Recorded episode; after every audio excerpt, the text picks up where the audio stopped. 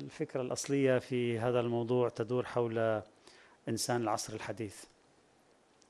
إنسان العصر الحديث الذي يواجه أكثر من مشكلة حالية على اختلاف انتماءاته الدينية والفكرية والثقافية. إنسان العصر الحديث لم يعد لديه ثقة بالعالم الخارجي ولذلك انكفأ على نفسه وصارت اهتماماته في داخل ذاته.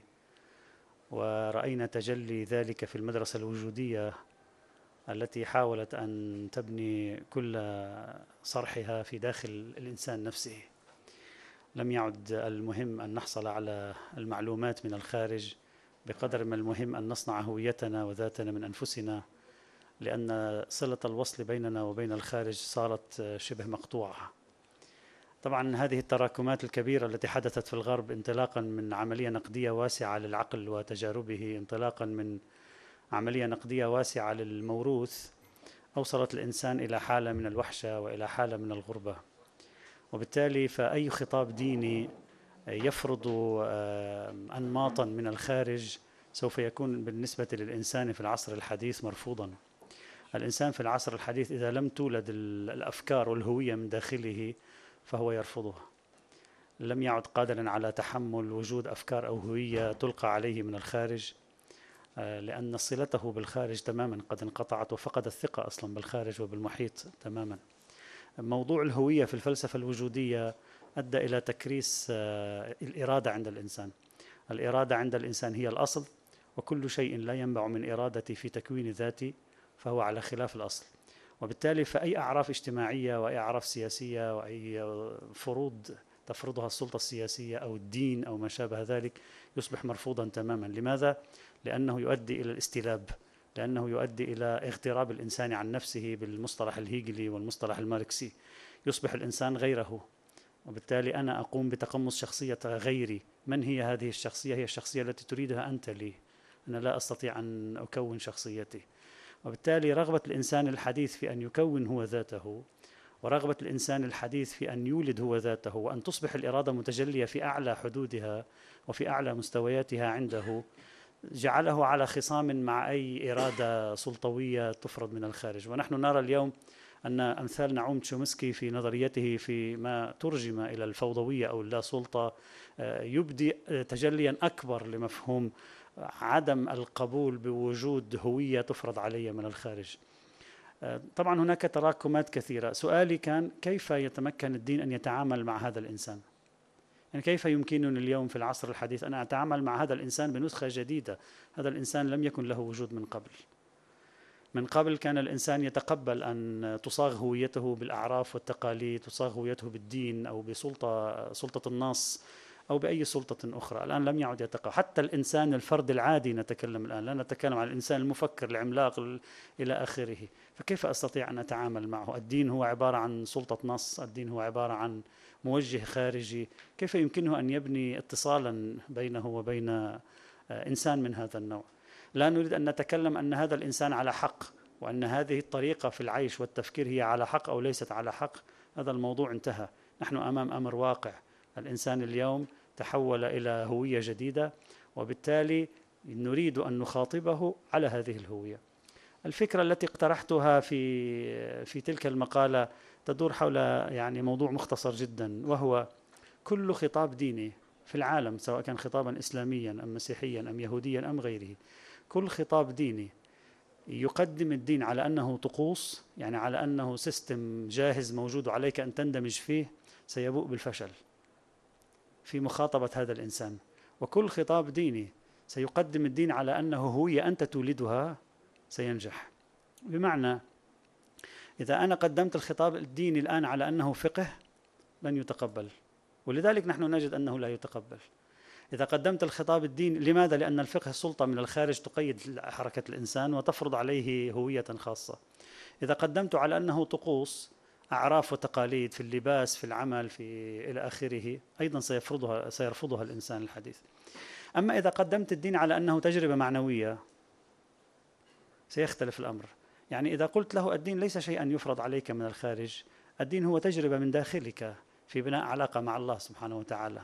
وهذه التجربة تبدأ بفكرة ثم تنمو شيئا فشيئا وهي التي تكون ظاهرك وهي التي تكون فيما بعد سلوكك الخارجي. من الممكن أن يتقبل. اذا خطاب الدين الفقهي يمكن أن يواجه مشكلة في التعامل مع إنسان من هذا النوع. خطاب الدين التاريخي أيضا يمكن أن يواجه مشكلة خاصة تاريخي. ونحن كما تعرفون كلنا أديان تاريخية سواء كنا مسيحية أو أو يهود أو أو مسلمين. آه، لماذا الخطاب التاريخي مرفوض؟ لأن التاريخ تم تدميره. 300 سنة منذ سبينوزا إلى اليوم تم تدمير كل بنية اكتشاف التاريخ لأن لم يعد موثوقا به. بالنسبة للإنسان الحديث أتكلم سواء وافقناه أم لم نوافقه. وبالتالي كل دين آه، تقدمه أنت اليوم على شكل بناء تاريخي سيصبح هناك حاجز بينه وبينه. لم أعد أثق به. لذلك كل هذه الحملة الرهيبة الآن التي نجدها من التساؤلات والاستفهامات حول الوثوق بالنصوص حول دلالات النصوص حول المعاني حول الصدور في الحديث في القرآن في الإنجيل منذ أن أطلقها سبينوزا إلى اليوم كلها قطعت الصلة بيننا وبين التاريخ. حتى شخص عيسى عليه السلام لم يعد موثوق أنه كان موجودا أو لا. حتى هو ما معلوم إذا كان موجود أو لم يكن موجودا. وكتبت في ذلك كتب. حتى شخص موسى أيضا حتى تاريخ اليهودية التي تقول هي بأنه قبل ألف قريب 1300 1400 عام قبل الميلاد أمر ليس معلوما. ربما تكون اليهودية 500 عام فقط قبل الميلاد. كل شيء تعرض للتشكيك. لذلك الدين التاريخي الآن أيضا يواجه صعوبة في التواصل. لا أريد أن أقول الدين التاريخي عليه أن أن يجلس جانبا أو الدين الفقهي عليه أن يجلس جانبا أو الدين الطقوسي عليه أن يجلس جانبا. الإنسان الحديث أثبت لنا بتجربته أنه لا يسير هكذا على خط موازن. أثبت لنا أنه يسير صعودا ونزولا. هو متغير سريع التغير. من الممكن في يوم من الأيام أن يرجع إلى مكانه الأول. كل شيء متوقع في إنسان العصر الحديث. سرعة الأحداث والتحولات تجعله ممكن أن تتوقعه. يرجع إلى النقطة التي كان قد فر منها قبل سنوات قليلة. وبالتالي أنا لا أعرف ماذا سيحصل في المستقبل لكن أفترض حاليا أن الدين التاريخي لست قادر على التواصل معه. أفضل طريقة للتواصل في تقديري مع الإنسان في العصر الحديث هو الدين المعنوي أي إعادة إنتاج الخطاب الديني الذي يقول للإنسان إن الدين موجود في داخلك أنا فقط أذكرك به أنا لا أفرضه عليك أنا فقط أذكرك أن هناك الله وأن هناك تجربة روحية مع الله وأن هذه التجربة تستطيع أن تمنحك الطمأنينة تمنحك السكينة تمنحك الهدوء تمنحك حل مشكلات العصر. هذا الزمن وهذه التكنولوجيا وهذه الموتورات التي تحيط بنا تضغط على أسماعنا وأبصارنا وعقولنا يستطيع هذا الذي في قلبك الذي هو الدين يستطيع أن يهدئ. يستطيع مفهوم التسليم لله التوكل على الله الرضا بقضاء الله لكي لا تحزنوا على ما فاتكم ولا تفرحوا بما آتاكم. هذه المفاهيم يمكنها أن تمنحك الطمأنينة. وهذا شيء يلتقي مع التجربة تجربة العرفاء لأن العرفاء يعتقدون بأن الله ندركه بالعلم الحضوري بالمناسبة. يعني تجربة العرفاء أعطت شيئا من هذا القبيل. يعتقدون أن الله ندركه بالعلم الحضوري. يعني نحن كما الآن نحس بوجود ذاتنا نحس أصلا بوجود الله. ولا واحد مننا يحس بوجود الله. لماذا؟ يقول العرفاء لأننا بصدمة الاتصال بالدنيا صدمة الغفلة ما سموه بالغفلة نسينا كل شيء. ليس النسيان الأفلاطوني لا غفلنا لم نعد نلتفت كشخص يتصارع مع شخص آخر وإذ به يخدش ثم لا يشعر بالخدش أبدا لأنه في لحظة التصارع هو في غيبوبة تامة عن كل الألم الذي حل به وبالتالي هو لا يحس بشيء. نحن الآن كأننا كأنما في لحظة التصارع. وبالتالي نحن في لحظة غفلة. لم نعد نشعر بأي شيء. ويقول العرفاء تحرر الإنسان من صدمة الدنيا يمكن أن يعيد إحساسه العميق بوجود الله. فيشعر به في باطنه. أرجو أن تكون الصورة واضحة. لا يشعر به في عقله. العرفاء لا يتكلمون عن الشعور بالله في عقولنا. يتكلمون عن الشعور بالله في نفوسنا. فعلا كما أشعر الآن أنني موجود وكما تشعر أنت أنك موجود أيضا سأشعر أن الله موجود في أعماقي. وهم يدعون أن الإنسان يدرك الله بالعلم الحضوري وهذا معنى أن الإنسان مفطور على معرفة الله تبارك وتعالى. هذا النوع من الخطاب هذا الاستنطاق للنصوص الدينية التاريخية لا بأس. استنطاق للنصوص الدينية التاريخية. لتقول للإنسان إن الدين موجود في أعماقك يمكن أن يساعد في إيجاد اتصال بيني وبينه. كلما رفعنا من من هذا النوع من الخطاب الديني يمكن أن أستطيع أن أضمن أن سماع الإنسان الحديث سيكون لي. وكلما قلصنا من هذا النوع من الخطاب الديني كلما أشعر بشك في أن الإنسان إنسان العصر الحديث سوف يستمع إلي. إطلاقا ولهذا نرى اليوم شيوع العرفان ما يسمى بحركات العرفان من دون الله. لأن الإنسان يريد أن التجربة المعنوية. يعني إلى اليوم إنسان العصر الحديث يشعر أكثر فأكثر بالحاجة إلى التجربة المعنوية. ولكنه في الوقت عينه لا يشعر بالرغبة في الانتماء الديني فهو يذهب إلى ما يسمى بالعرفان من دون الله العرفان الذي يجلس فيه أمام شجرة ويشعر بأن طاقة الشجرة يمكن أن يتواصل معها وبالتالي يمنح حياته طمأنينة ويشعر بأن هذا الفراغ الروحي الموجود في داخله تم ملؤه بشحنات هائلة من الطمأنينة ومن الإيجابية كما تسمى.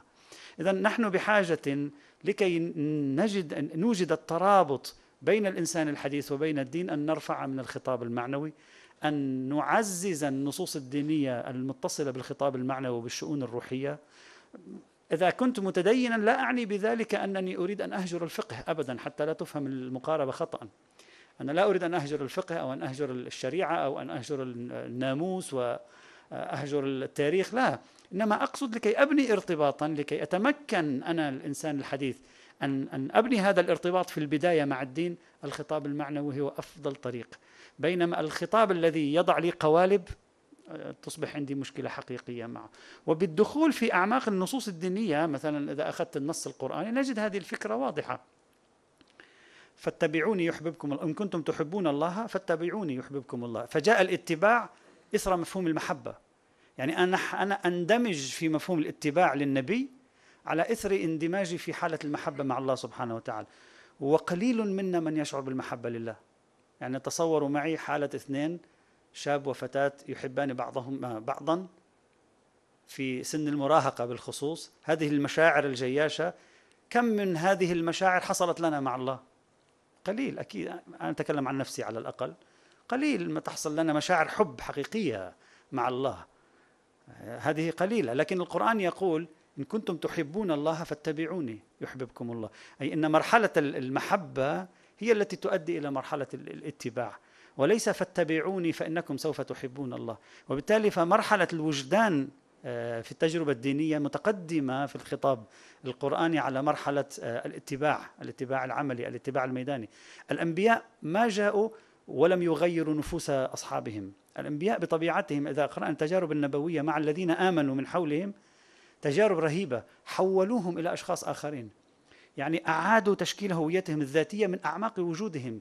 يعني شعروا بحياة جديدة شعروا بحياة جديدة شعروا بنمط تفكير جديد شعروا بأنهم إنسان آخر. خرج من الإنسان الأول وصار إنسانا آخر. وليسوا فقط قالوا لهم آه، واحد زائد واحد يساوي اثنين أو القضية الفلانية يجب أن تفعلوها وما شابه ذلك. بخلاف إيماننا نحن. لأن إيمان الذين كانوا في عصور الأنبياء هو إيمان الحدث. يعني حدث الإيمان في حياته أي حدث التحول. بينما الإيمان في زماننا هو إيمان الولادة. نحن ما حدث عندنا أي حدث. ما صار في حياتنا حدث حقيقي غير شخصيتنا وبالتالي صرنا مثلا مسلمين أو مسيحيين أو يهود. لأننا ولدنا هكذا. بينما إيمان هؤلاء كان إيمان حدث أي حدث تحول حقيقي بفعل تأثير الضخ المعنوي الذي كان يلقيه الأنبياء بتأثيرهم الروحي والمعنوي في الأفراد المحيطين بهم كشحنات وطاقات إيجابية هائلة حدث فعلا تحول فيهم. إذا الفكرة الأساسية أنهي كلامي علينا أن نعيد تكوين الخطاب الديني في العصر الحديث الذي يريد توجيه كلامه إلى الإنسان الحديث ليتحول الطابع المعنوي الطابع الأخلاقي الطابع الروحي الطابع الإرادي من داخل الإنسان إلى أصل فيه ولتتحول سائر الأشياء إلى توابع وليس العكس. ففي المسجد نحن لا لا ندرس فقط فقه العبادات وإنما نشتغل على عيش العبادة. هناك فرق بين أن يعيش الذي يدخل إلى المسجد العبادة وبين أن يتعلم فقه العبادة كيف يركع وكيف يضع أصابعه وكيف يضع المساجد السبعة وما شابه ذلك. لا أن تحذف تلك بقدر ما أن تكون هذه الأصل وتلك هي عبارة عن النتيجه التلقائية. إذا استطاع خطابنا أن يفعل ذلك فهذه هي هذا هو الانتصار الكبير للرسالة الدينية في العصر الحديث دون أن تتصادم مع إنسان هذا الزمان وإنسان هذا العصر. والحمد لله رب العالمين. الله عليكم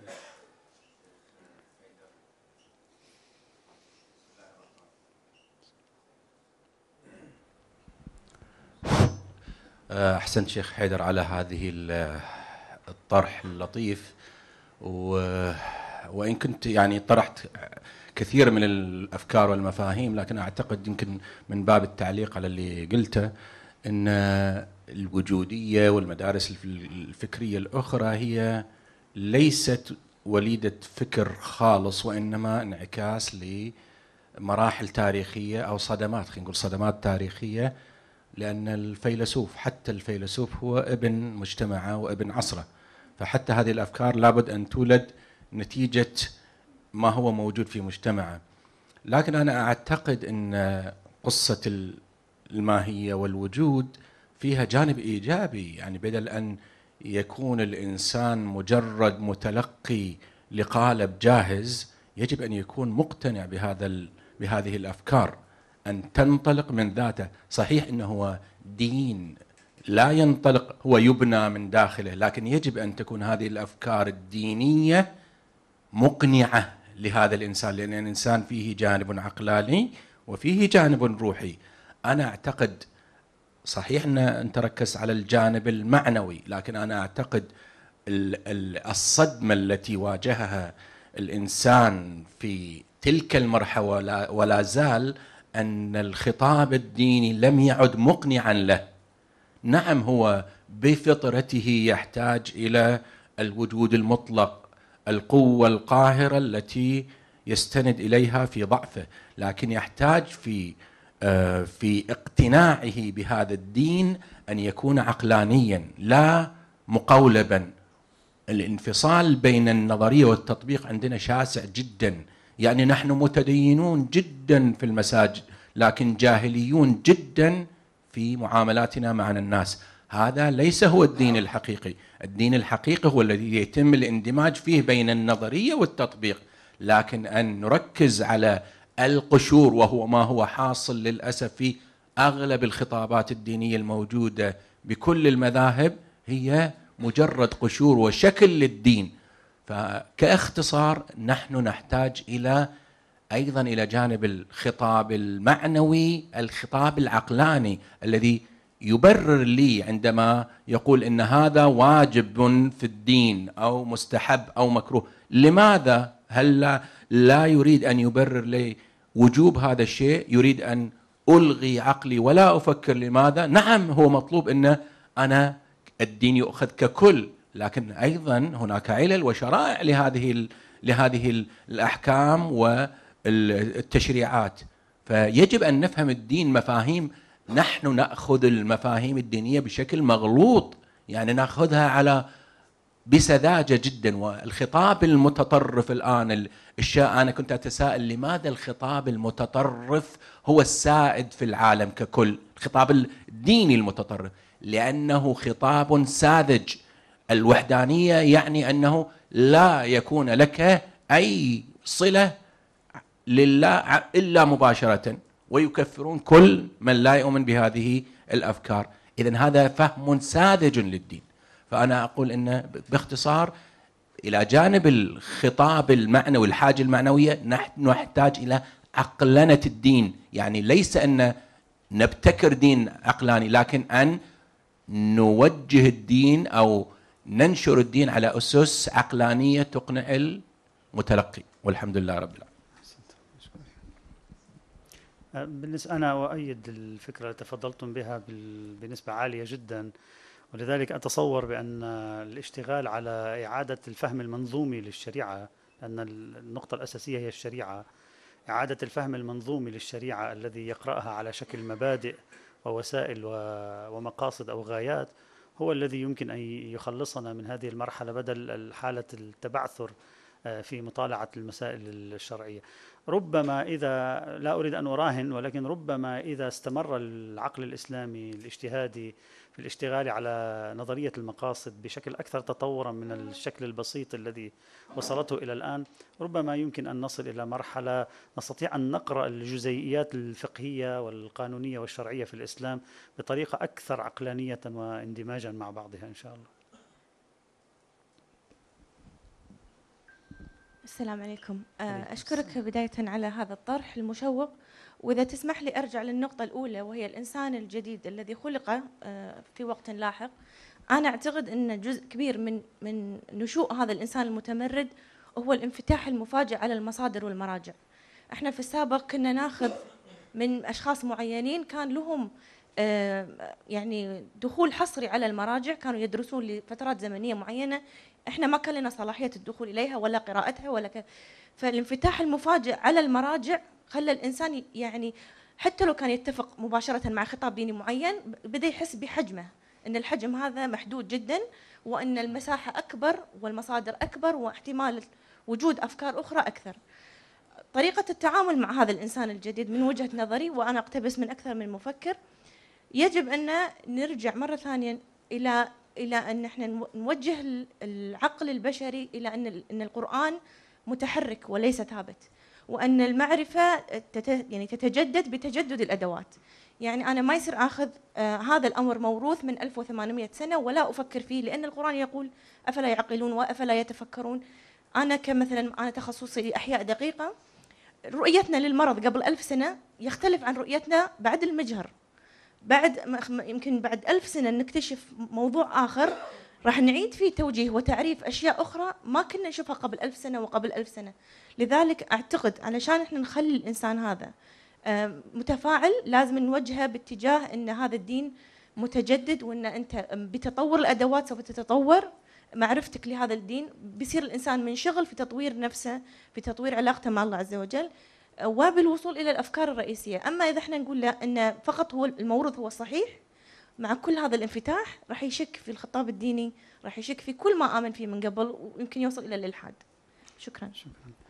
أنا طبعا أتفق مع فكرة أن انفتاح وسائل التواصل وانفجار المعلوماتية أثر بالتأكيد هذا شيء لم يحصل معنا قبل 300 400 سنة أيضا حصل مع المسيحيين الذين بمجرد أن ترجم النص الكتاب المقدس إلى غير اللغة اللاتينية أو بمجرد أن صار متداولا أصلا بين الشعوب الأوروبية لأنه سابقا لم يكن متداولا أبدا لا يقرأه فقط إلا رجال الدين أصيب الناس بتحولات كبيرة أؤيد ذلك لكن أضيف فكرة بسيطة وهي فكرة تمت دراستها في العديد من المقالات التي نشرت مؤخرا أيضا.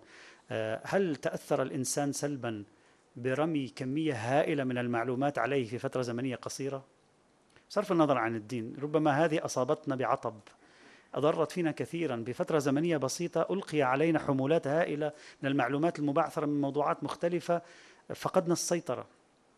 وهذه تأثيرات آه، يعني تدفق المعلومات أزمة تدفق المعلومات اليوم آه، تجعل الإنسان يواجه مشكلة ليس فقط في علاقته مع دين بل في علاقته مع أي فكرة في علاقته مع أي انتماء في علاقته مع أي ثقافة. وبالتالي يجب الاشتغال على عملية آه، كيفية ارتباط الإنسان بالمعلومة. إذا لم نفعل ذلك ستبقى حالة التشوش هذه موجودة وسيبقى هذا العقل غير قادر على تحمل هذا الكم الهائل من المعلومات المبعثرة والجديدة وربما الموثوقة وغير الموثوقة التي تلقى إليه. آه، كل يوم. أما في النقطة الثانية التي تفضلت فيها أيضا أتفق معك آه، لكن أشدد على فكرة إضافية أيضا متوافقة مع الذي طرحتيه وهو التجديد في المناهج. آه، موضوع التجديد في المناهج موضوع أساسي جدا بالنسبة إلينا. في في الحوزات العلمية في المعاهد الدينية الجامعات الدينية سيحصل تجديد ولكن في كثير من الأحيان يحصل تجديد داخل المنهج الواحد. بمعنى ما يسمى بالاجتهاد الترجيحي. مثلا لنفرض أن شخصا هو مبدع كبير جدا من هو المبدع؟ من هو هذا الشخص الذي نتحمس له أنه لديه آراء جديدة؟ هو ذلك الشخص الذي يختار رايا غير مشهور موجود كان عند المتقدمين في مقابل الرأي الذي هو مشهور. فنعتبر أن هذا الإنسان حقق انجازا عظيما جدا. ولكن من النادر أن نفتح افاقا على شخص يذهب بنا إلى الإتيان برأي ثالث حتى خلاف المشهور وغير المشهور. وبالتالي آه، المشكلة في المناهج المعرفية القائمة سواء في المجال الديني وغيره أننا أمام مغالطة الثنائيات. يعني إما هذا الرأي وإما هذا الرأي. وإبداعك أنك تختار الرأي الذي ليس له مناصرون أو ليس له يعني مناصرون كثر. وبالتالي أنت متميز. في حين المطلوب أن نذهب نحو الاجتهاد الإبداعي الذي يتحول بنا نحو مكان ليس موجودا في الثنائية القائمة أمامنا. إذا تطورت مناهج الاجتهاد في المؤسسات الدينية كل هذه النتائج التي نتكلم عنها يمكن أن تحصل. إذا لم تتطور مناهج الاجتهاد، يعني بقيت المناهج واحدة ونريد أن نراهن من خلال نفس مناهج الاجتهاد على حدوث تطورات حقيقية وواسعة النطاق، أعتقد بأننا نراهن على شيء ربما يكون قريبا من السراب فالرهان كله على إيجاد آه، تحول في المناهج أكثر من إيجاد تحول في الأفكار الصغيرة الأفكار الصغيرة هي تأثيرات تحولات في المناهج المعرفية.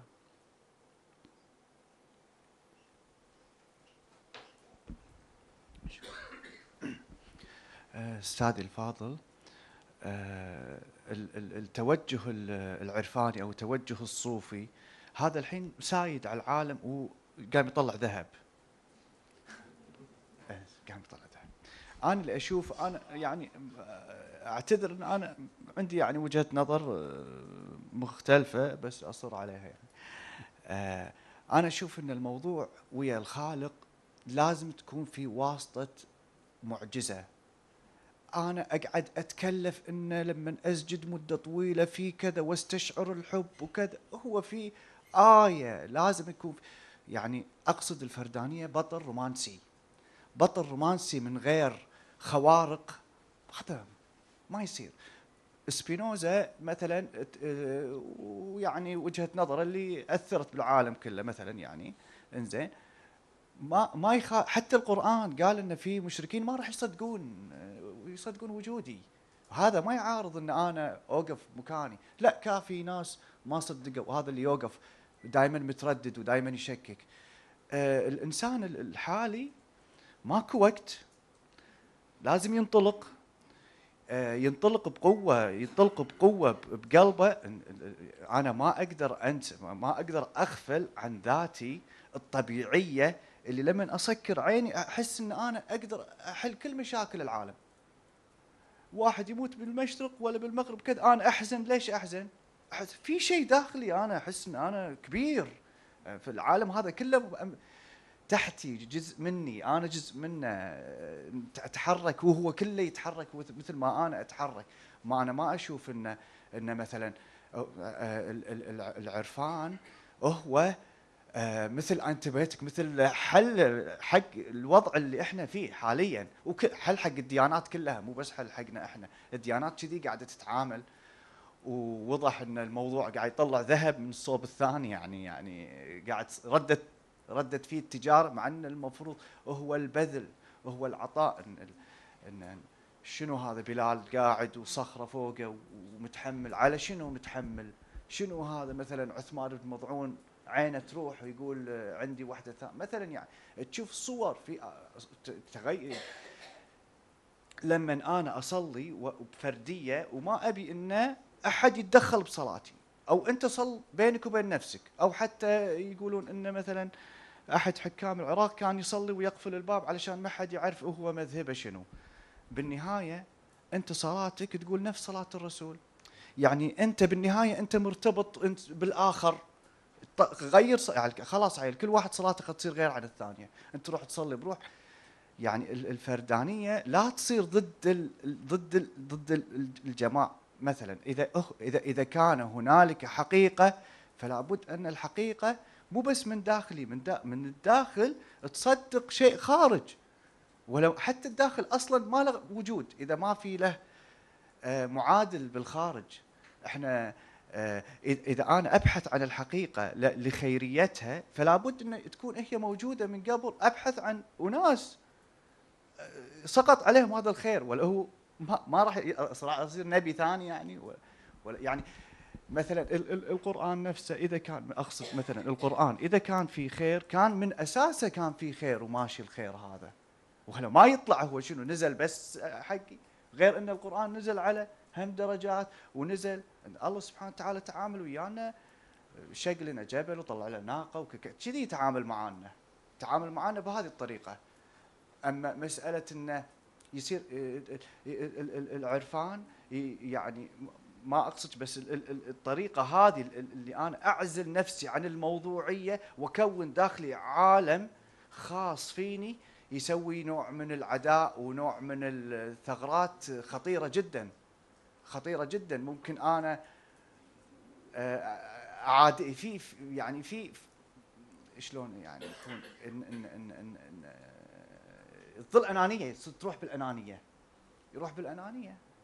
لازم يكون هو الواحد هو فرد وهو مع العالم بطريقة إنه هو مسؤول عن العالم وهو فرد وهو حر وهو هم في في قيد. هذا القيد هذا القيد حتى معرفته الجهل الجهل هم شو اسمه علم بعد بحد ذاته. آسف خاف أزعج. شكرا. لا ابدا. فأنا أشوف المسألة هي آية معجزة والإنسان الحالي إنسان رومانسي يبحث عن عن الشيء الواضح الجلي القوي نعم. لم تكن لم تكن فكرتي أن أدافع عن الفردانية أو عن حتى عن النزعة الوجودية ابدا ليس هذه الفكرة. الفكرة كيف أتعامل مع أمر واقع وأستطيع أن أوجد آه، يعني أمد شبكة بيني وبين هذا الإنسان الجديد. البحث في إدارة العلاقة. أكثر من أنني أعترف تمام الاعتراف بالوجودية سواء كان الوجودية المؤمنة لكيركجارد أو الوجودية الملحدة لسارتر. أنا ما أبحث عن الوجودية الآن ولا أدافع عنها ولا أقول فردانية صحيحة ولا أقول لا ينبغي أن تكون هناك قوالب للإنسان ولا أقول إن ما قاله ماركس صحيح تماما في موضوع الاغتراب عن الذات. أنا أقول هذا حصل. شئنا ما بينه هو موجود. تحول الآن إلى ثقافة اللحظة. كيف أتعامل معه؟ كيف أمد له يدي؟ كيف أستطيع أن أوصل له رسالتي؟ هل بالطريقة القائمة اليوم هل بتظهير الدين التاريخي والدين الشعائري والدين الفقهي أستطيع أن أتواصل معه؟ أو أنني بتظهير دين إضافي أستطيع أن أتواصل معه؟ يعني ماذا أفعل لكي أربط هذه الشبكة بيني وبينه؟ وبالتالي أريد حتى الأنبياء حتى الأنبياء وأتباع الأنبياء الإيمان فعل إرادي. الإيمان ليس فعلا غير إرادي الإسلام فعل غير إرادي بالمفهوم السائد بين الفقهاء أنه واحد يسلم ربما لأجل أنه مقهور على الإسلام. الإسلام فعل غير إرادي ربما يكون تترتب عليه أحكام فقهية لكن الإيمان لا يمكن أن يكون إلا فعلا إرادي يعني يمكن أن تتكلم عن هوية إيمانية خارج الإرادة.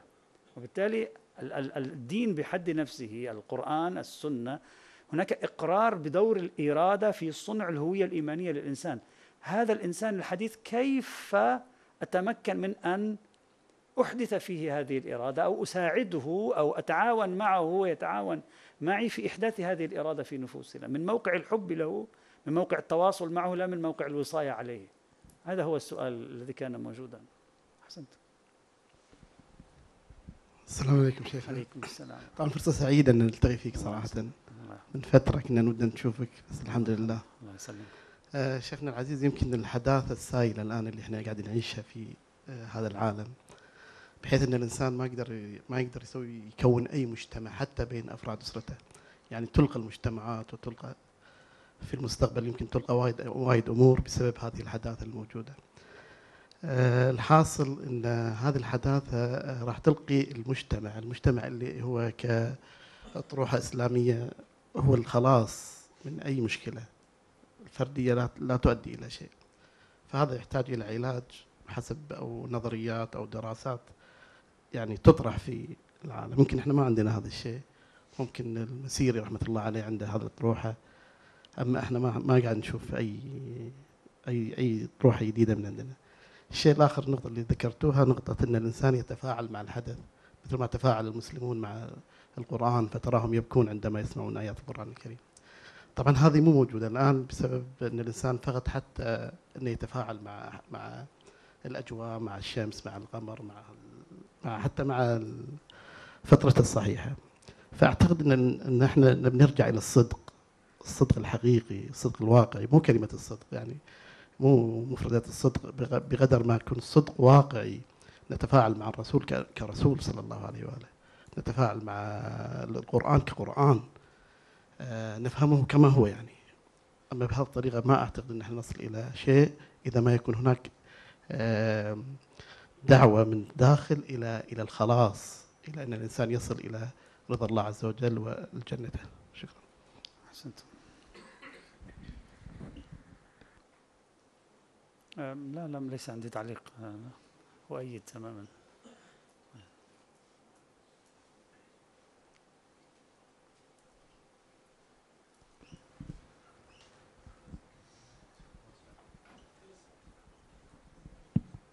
السلام عليكم عليكم السلام يعطيك العافية يا. شيخ ما تقصر على. الكلام الطيب. آه معاك داود العلي طلب مني أذكر اسمي عليكم السلام ورحمة آه عندي آه استفسار على مفردة الإنسان الحديث ذكرت آه من بداية الكلام ذكرت مفردة الإنسان الحديث يعني يا ريت توضح من هو الإنسان الحديث لأن أنا يعني من وجهة نظري المتواضعة إذا بحط الإنسان الحديث في عصر العولمة وعصر المدنية أراه أنه إنسان بدائي يعني يكر- آه، أجلكم الله أكثر بدائية من الحيوان. حتى مع تطور أساليب اللغة وأساليب التواصل بنايات سيارات ولكن إنسان جدا بدائي. يعني لو بس نسوي زوم أوت نشوفه من البعيد جميع تصرفات بدائية بدائية بحتة.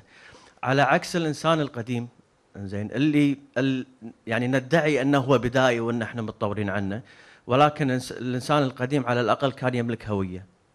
الهوية الآن مفقودة. الإنسان القديم ما تكلم عن المجتمعات الدينية بعهد الإسلام أو المسيحية أو اليهودية أو أي ديانة كانت ولكن المجتمعات اللي ما قبل الإسلام مثلا العرب بالعهد الجاهلي أو مثلا الإغريق أو الرومانيين في هوية تجمع هذا مثل الرقعة المعينة. يعني هذا الشيء الحين مفقود تماما. يعني ابن بطوطة لو يرجع بزماننا الحين يدش من عمان يصعد للكويت يدش العراق ما راح يشوف أي تغيير بس واحد لابس دشداشه واحد لابس أفندي مثل ما يقولون. ما في ما في هوية تجمع المجتمعات حاليا. يعني بسبب العولمة وبسبب الأفكار المادية يعني الأفكار المسيطرة على العالم الحين كلها أفكار مادية إما تكون رأسمالية أو شيوعية أو آه، يعني الاشتراكية مسمياتها المختلفة.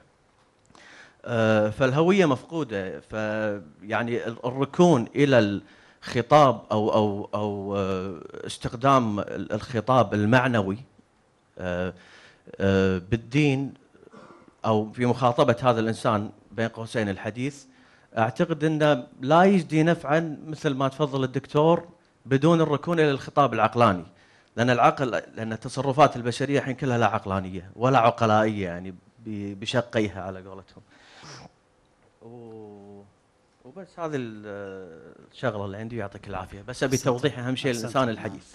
كلمة الحديث ليست وصف تقويمي لا ال- الحديث لا يعني أنه مدح أصلا حديث يعني الآن هذا الإنسان الذي جاء بعد عصر الحداثة وما بعد الحداثة وليس فيها أي تقويم لا سلبي ولا إيجابي وإنما هي توصيف خارجي لا أكثر ولا أقل أضف إلى ذلك آه، الشيء الذي تكلمت به لا يعني أنني أوافق على نمط العيش الموجود الآن أو على ثقافة اللحظة القائمة الآن.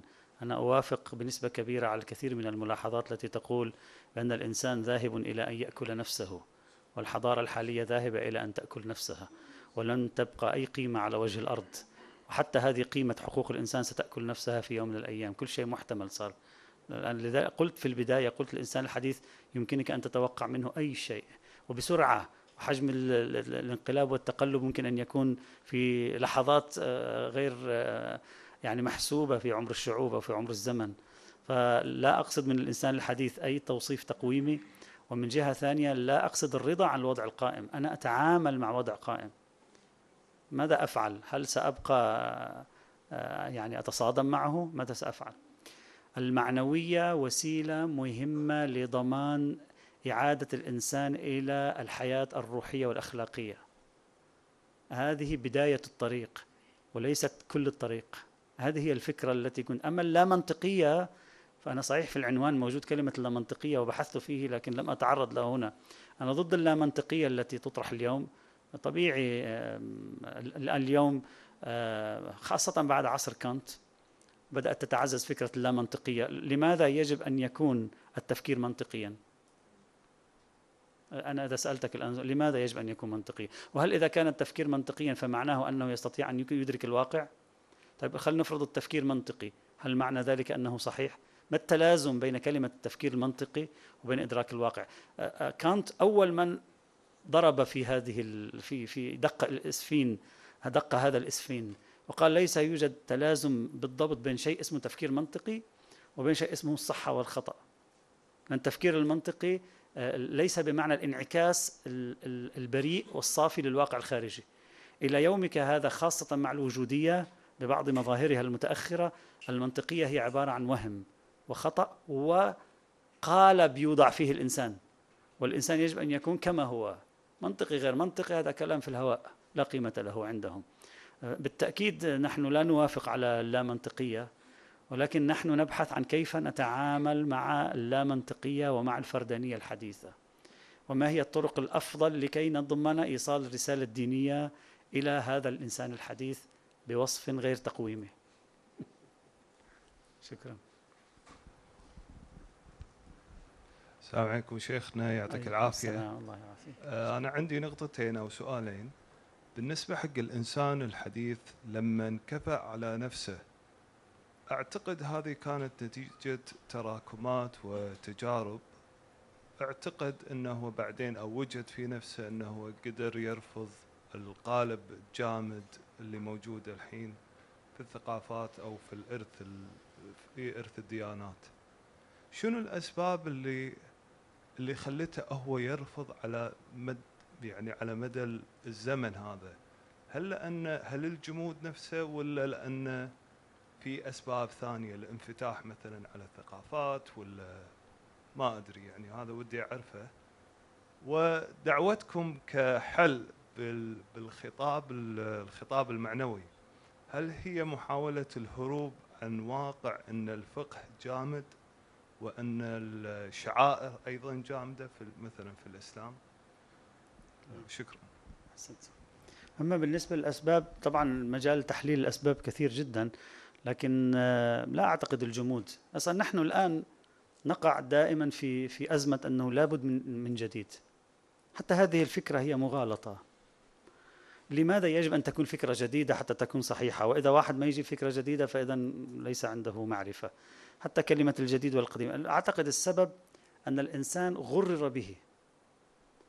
يعني شع- شعر بعد فترة طويلة أنه قد تم التغرير به باسم الدين باسم الله باسم الوطن باسم القومية باسم ال... الم- الذي حصل في أوروبا؟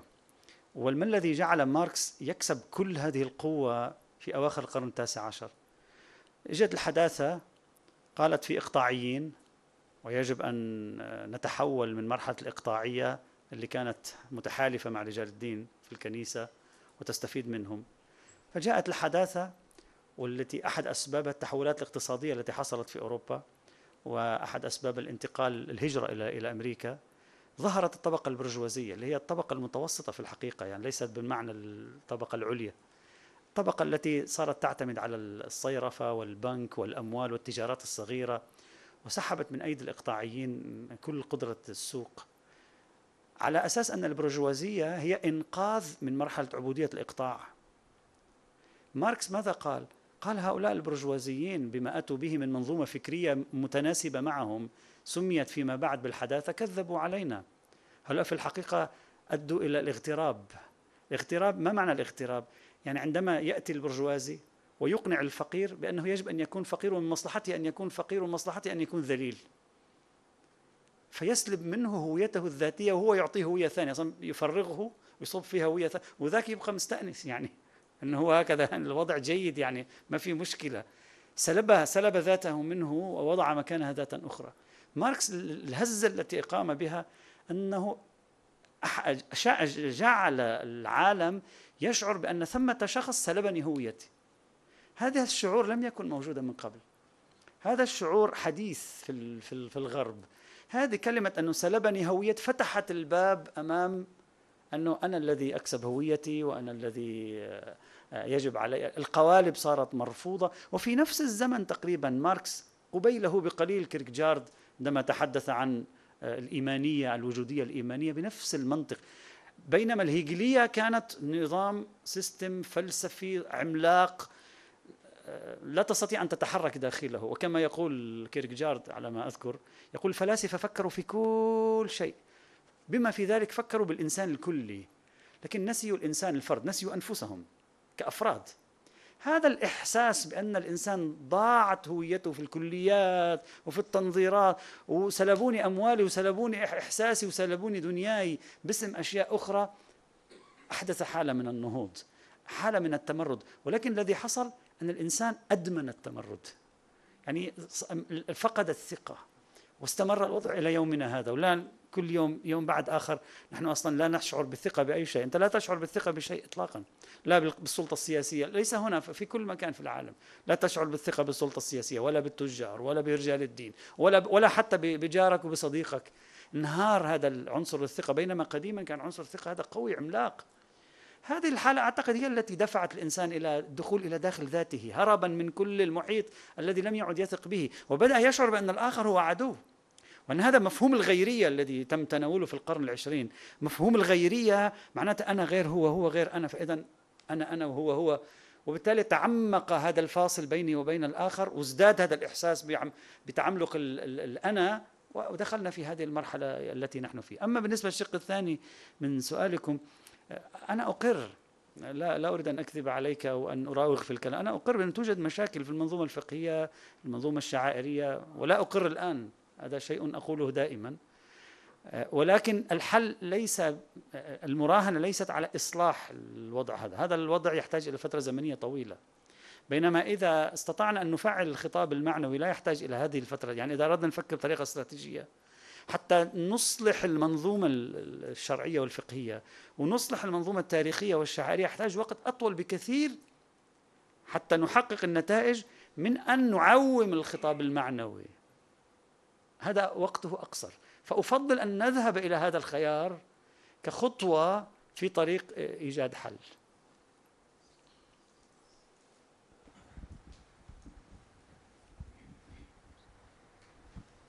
السلام عليكم شيخنا. عليكم السلام. آه، أحسنتم جزاكم الله خير على المحاضرة. المحاضرة جدا مفيدة. لكن في عندي فكرة أجدها ثغرة في ما تفضلتم بطرحه.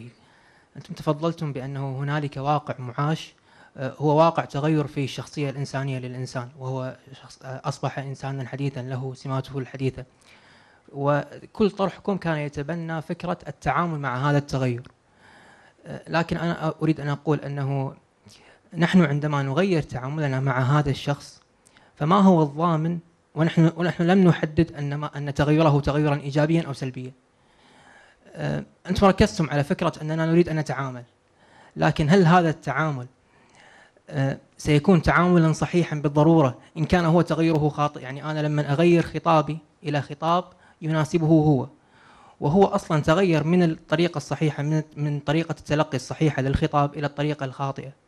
فأنا ما الضامن أن الذي أن التغير الذي أحدثته بالخطاب سيكون تغيرا صحيحا هذا هذه ثغرة وجدتها فيما تفضلتم به فإذا إذا تفضلون تعالجون أولا أنا مبدأ أنك أنت تغير خطابك لأجل تتواصل مع الآخر لا يعني أنك غيرت فكرك. أنت أنت عم تغير فقط وسيلة وسيلة الاتصال. هذا أولا. ثانيا أصلا من قال أن الإسلام الفقهي والإسلام الشعائري هو العمق والإسلام المعنوي هو القشر؟ اترك الإنسان الحديث. خلينا نرجع نشتغل على نفس التركيبة الدينية. إذا أنت تفتح النص القرآني ما هي أعظم رسالة؟ أين ما أكثر شيء تجده في القرآن؟ الفقه يشكل نصف سدس القرآن واحد من 12 من القرآن. واحد من 12 من القرآن الفقه اللي هو الآن تحول في حياتنا إلى 99% هذا حقيقة. النص القرآني 70 80% منه عن ماذا؟ الله والآخرة. وهذا هو البعد المعنوي. البعد المعنوي ما معنى البعد المعنوي؟ يعني قيمة الارتباط بالمطلق قيمة الارتباط بالمتعالي التي تخلع علي سمات أخلاقية وروحية. ما معنى اليوم الآخر أصلا؟ معنى اليوم الآخر ليس سوى إعادة تكوين إعادة فهم للدنيا. لأن بمجرد أن تقحم اليوم الآخر على الخط بالمعنى الذي أعطاه القرآن لليوم الآخر معناها الدنيا صارت صغيرة. معناها الدنيا تغيرت قواعد قواعد اللعبة معها. بينما لو ما في إلا الدنيا لا تصبح الدنيا كبيرة لأن هي كل حياتي. فكرة اليوم الآخر هي فكرة في غاية الأهمية ركز عليها القرآن في أكثر من 1000 1300 آية. إذا أنا أجمع النص القرآني أرى الله والعلاقة مع الله والعبودية لله وتوحيد الله ورؤية الله في كل شيء وفي المقابل أرى الآخرة بما تعنيه من فهم للوجود وبما تعنيه من إعادة تكوين صورة للدنيا. هذا هو تركيبة البعد المعنوي. ما أنا لا أقوم بتزييف شيء عندما أقول البعد المعنوي أصل. أنا لم أقم بتزييف شيء لأجل الآخر. أنا بالعكس أعدت فهم التركيبة الدينية ووضعت الفقه في مكانه الطبيعي. أنا لم ألغي الفقه ليس عندي خصوم مع الفقه. أنا عملي الفقه. ليس عندي أي خصومة معه أنا أدافع عنه ربما أدعو إلى قراءات معينة فيه. ليست هناك خصومة لا مع الفقه ولا مع الشعائر ولا مع التاريخ رغم الدعوة إلى إصلاح هذه الفهوم الثلاثة. لكن ما هو الأصل؟ ما هو العمق؟ يعني ما هو النواة الكرة الأرضية الدينية؟ هل هو الفقه هو النواة أو لا؟ طبعا إذا إذا كان الفقه ليس هو النواة لا يعني أنه لم يعد مهما. ولا, أدعي ذلك. بل موضعة المفاهيم الدينية في مكانها أهم بكثير في بعض الأحيان من معرفتها بنفسها. يعني مثلا وأنا هذا شيء أشرت له في هذه المقالة تحريف الأديان كيف يحصل؟ في ثلاث طرق لتحريف الأديان. واحدة مفهوم من داخل الدين تلغيه. هذا تحريف الأديان. واحدة مفهوم من خارج الدين تضيفه على الدين يتم تحريف الدين. واحدة ثالثة لا تضيف شيئا. ولا تسحب شيئا. تغير موضع الأحجار بيطلع معك دين جديد. أصلا أغلب الأديان التي تراها الآن في العالم أو المذاهب التي تولد داخل الأديان في الحقيقة ما هو إعادة موضعة الأحجار. الشيء التفصيلي بتحول إلى شيء ضخم. الشيء الضخم يقزم بيظهر عندك دين جديد. الكلام في أين نضع الفقه والشريعة؟ أين نضع الشعائر؟ لا لا أنها موجودة أو غير موجودة موجودة نسلم بها لا نرفضها. أين نضعها؟ وأين نضع البعد المعنوي العلائقي مع الله ومع القيم الأخلاقية؟ في ضوء محددات النص القرآني على سبيل المثال نأخذ القرآن. في تقديري في قراءة المتواضعة أن النص القرآني واضح جدا في أنه الأصل عنده هو مفهوم التوحيد بالمعنى الحقيقي للكلمة لا التوحيد بالمعنى الشكلي له الارتباط بالله الواحد دائما مفهوم الآخرة وهذه أصول التفكير المعنوي والأخلاقي في الإسلام. هذه قراءتي البسيطة. أحسنت. السلام عليكم. عليكم السلام. آه بالنسبة حق المساعد تكلمون عن تدفق المعلومات أو ال big data. الحين آه إحنا ممكن جيلنا والجيل الأكبر هو اللي حاس إنه هو وايد ومتأثر. آه بس شلون إحنا كمثال الجيل الجاي ممكن مخنا إحنا ما يستوعب وايد. حتى اللي هم عندهم مسميات ال generation X generation Z الحين generation alpha أتوقع. الحين مخ اليهال الحين يقدر يتحمل هذا الشيء. يعني مخهم متطور مو مثلنا إحنا. شلون إحنا مثال كآباء ولا أهل شلون مثال نوصل لهم؟ يعني شوف حتى اللي قاعد يلحدون ولا لهالشيء يكونون من اعمارنا وكبار ما يلك ياهل يلحد. شلون إحنا نقدر نتعامل؟ يعني الياهل ترى المعلومات هذه عنده عادية. تقدر تشوف الياهل ساعته مرتبطة بالإنترنت يقدر يسوي أشياء أنا ما أقدر أسويها مع إن أنا يمكن مهندسة كمبيوتر. أشوف ولدي يسوي أشياء أحسن مني. أه شلون أنا أقدر يعني أه يعني أخلي الياهل إنه يكون إنسان مرتبط بالله سبحانه وتعالى رسخ فيه الاشياء خاصة إحنا طريقة اللي عشنا ولا تربينا أول يقطونا بالمخيم ولا بالمسجد شي مع الأب والأم ونتعلم ووايد منا. طبعا لا في أكو ناس أشوفهم كانوا معنا بهالأجواء وأسمع إنهم ألحدوا ولا تفكيرهم صار غير. شلون إحنا نرسخ الاشياء بعيالنا مع طريقة مخهم ولا طريقة المعلومات اللي قاعد توصل لهم شلون؟ طبعا في حلول جزئية ليست حلول جزئية في تعامل جزئي أو إدارة جزئية للأزمة وفي حلول كبيرة الحلول الكبيرة ليست خيوطها بيدنا جميعا تحتاج إلى المؤسسات إلى نفس المرجعيات الدينية إلى تحول الخطاب الديني إلى الحركات الإسلامية تلعب دور أيضا النموذج أيضا الخارجي يترك أثر عليها. لا, لا نتكلم فيها لأن هذه تبدو غير متوفرة الآن حاليا. لكن على مستوى إدارة جزئية للأزمة لأن ما عندي إدارة كلية للأزمة بصراحة. إدارة جزئية للأزمة لا يمكن قطع الاتصال بالبيئة الموجودة الآن لأن قطع الاتصال صار مستحيلا. وبالتالي أنا علي أن أقدم له أحد الخيارات بطريقة جمالية. اليوم في العالم العنصر الجمالي أهم من عنصر الحقيقة. اليوم تبلو تم بلورة عقل الإنسان على أساس العناصر الجمالية أكثر من بلورة عقلي على أساس عنصر الحقيقة. ماذا أقصد من العناصر الجمالية؟ العناصر التي آه، آه، تتصل بما يلائم النفس بالملائم. يعني ليس الجمال بمعنى جمال الطبيعة فقط لا بمعنى الأشياء التي تلائم النفس. مثلا شخص قدم وردة هذا شيء ملائم للنفس. مفاهيم الجمال هذه مهمة جدا. بينما لو قلنا له بأنه آه، قطع الرجل هذا ضروري سيشمئز منه رغم أنه يعرف أنه ضروري لكن سيشمئز لأن آه، مفهوم الجمال مسيطر عليه أكثر من مفهوم الحقيقة والواقع والعدالة وأمثال ذلك. علي أنا أن أستعين بالوسائل الجمالية. ليس أمامي من حلول إلا أن أستعين بالوسائل الجمالية. مثلا آه، تظهير البعد الإنساني. لا أقول لا يوجد بعد أو لا يوجد بعد غير إنساني وماذا نفعل مع البعد غير الإنساني. أقول تظهير البعد الإنساني. في النصوص الدينية يوجد عندنا إلى ما شاء الله في التراث الإسلامي تراث غير الإسلامي إلى ما شاء الله من نصوص فيها بعد إنساني. هذا الإنسان الحديث إذا خاطبناه ببعد إنساني يسمع أكثر.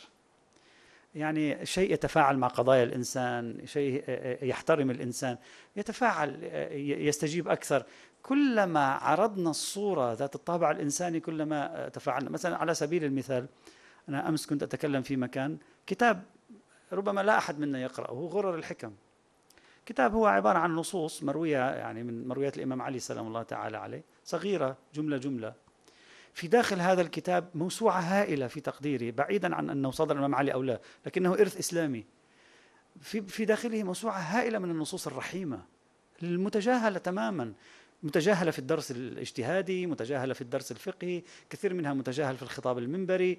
أصلا ليس ليس لها وجود مع أنها نصوص رحيمة رهيبة في في في عطائها للرحيم. نحن فقط نظهر النصوص الأخرى ونغيب هذه. إذا استطعنا أن نوازن وأن نعرض له الجانب الجمالي الإنساني من الدين ربما يكون هذا يعني ناظما أو ضابطا له. إذا استطعنا أن, أن نقول أن نكلمه عن الدين المعنوي أيضا هذا يضبط. إذا استطعنا أن نكلمه عن الدين الأخلاقي أيضا هذا من الضوابط. إذا استطعنا أن نقدم له الدين على شكل منظومات عقلانية أيضا هذا من الأشياء التي يمكن أن تجذب. لكن هذا كله بحاجة أن نبني نحن أنفسنا ثقافيا. يعني حتى أنا كأب أو أو كأم أستطيع أن أتعامل مع ابني في الملف الديني أنا يجب أن أكون قد بنيت ثقافيا بطريقة أستطيع من خلالها أن أقدم الدين بالشكل النافع له. وبالتالي أنا علي التزود لكن ليس التزود الآن في الرسالة العملية أو غيرها. هذا هذا المقدار ليس له دور هنا. إنما التزود في إيجاد نمط من التثقيف الديني يمكنه أن يضيء أفكارنا. نحن نستطيع من خلاله أن نوظفه مع الجيل القادم. فقط أريد أن أؤكد في النهاية لا يبدو أن أمامنا حلول. أمامي أنا لا, لا أجد حلا. أجد طريقة لمعالجة جزئية في إدارة أزمة قائمة. الفترة هذه الآن هي الذروة. ربما تكون الذروة ربما فترة لاحقة هي الذروة لا أدري. لكن هي الذروة نحن الآن نتعامل معها بحساسية عالية. نشتغل بمنطق أقل الخسائر وليس بمنطق أكثر الأرباح. إذا فكرنا بهذه الطرق الاستراتيجية يمكن أن ندير الأمور بطريقة أفضل. وبالتالي ممكن أنا أخسر ابني في مكان في مقابل أن أحفظه في مكان أهم. بالتالي علي أن أضحي في مكان معين. الباكج كامل لا يمكن أن لا أضمنه في هذا المجال.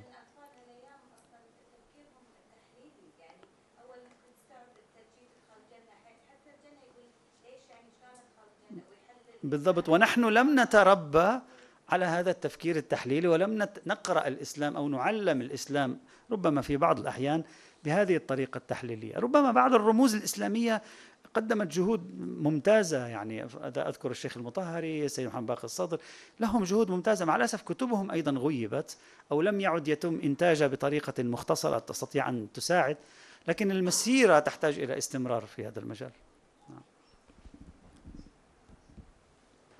السلام عليكم شيخنا. أنا حبيت أوجد علاقة في العنوان بين الكلمتين. الفردانية أو التفرد واللامنطقية هل هناك علاقة بين الكلمتين؟ يعني بظني أن الاشتغال بحالة من التفرد أو بحالة التفرد عند رجال الدين أو القائمين على الدين. هذا يوجد نوع من ال من اللامنطقية.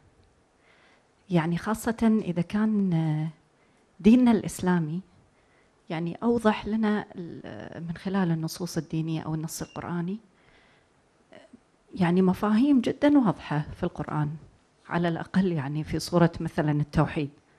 يعني هذه الصور البسيطة المقدمة للإنسان كطوق نجاة. يأتي مثلا عفوا ويعني اعذروني على هذا الكلام. يأتي مثلا رجل دين يتحمل على عاتقه أن يضع مثلا مجتمع كامل تحت يعني فتاوي فتاوى. ويلزمهم فيها أو ب ب ب آم، بتفسير معين لآية قرآنية أو ب أو في كتاب آه، يعني يطلق عليه فيما بعد يعني آه، آه، كتاب شرعي أو مسائل آه، شرعية. هذا الإنسان اللي يأتي من خلفية اجتماعية معينة أو من مجتمع معين هل هو يعني يعني قادر على تحمل آه، عقبات ال- ال- ال- الخطاب الموجه حق مجتمع غير مجتمع مجتمع آخر مجتمع آخر. يعني أنا كرجل دين أي من خلفية اجتماعية معينة لا أعلم ما هي هذه الخ- الخلفية بغض النظر عن آه، أمور يعني وايد بس هو قاعد يتحمل مسؤولية. التفرد في آه، آه، التفسيرات وهذا يضعنا أمام آه، لا منطقية بصراحة. يطلع أشياء لأن الإنسان مو ما في عصمة ما عنده عصمة. يعني على الأقل إذا كان عنده عصمة سلوكية أكيد يعني علماء الدين فيما بعد يصلون إلى نوع من العصمة السلوكية أكيد يصلي وأكيد ما يكذب وأكيد ما يعني يخطئ. بس يقع في في يعني آه، وهم يتوهم له أو مثلا يصاب بحالة من الأنانية يكون متفرد في تفسيره وبعدين ممكن يكفر الآخر. و- ولو طلعنا على تاريخ مثلا عفوا على رجال الدين وما يحدث بينهم. يعني يص- يصطدم الإنسان العادي هل هذا ما حدث فعلا بينهم؟ فإذا التفرد في توجيه ال- الخطاب الديني يعيق المجتمع الحالي عن استقبال الدين بشكل جيد. الآن المجتمع آه، بضغطة زر بض- بضغطة زر. يظهر لي كتاب للمسائل الشرعية وتظهر لي مسألة شرعية لفلان الفلاني. وبضغطة زر يطلع عندي مثلا نهج البلاغة ضغطة زر يطلع لي تفسير القرآن الفلاني.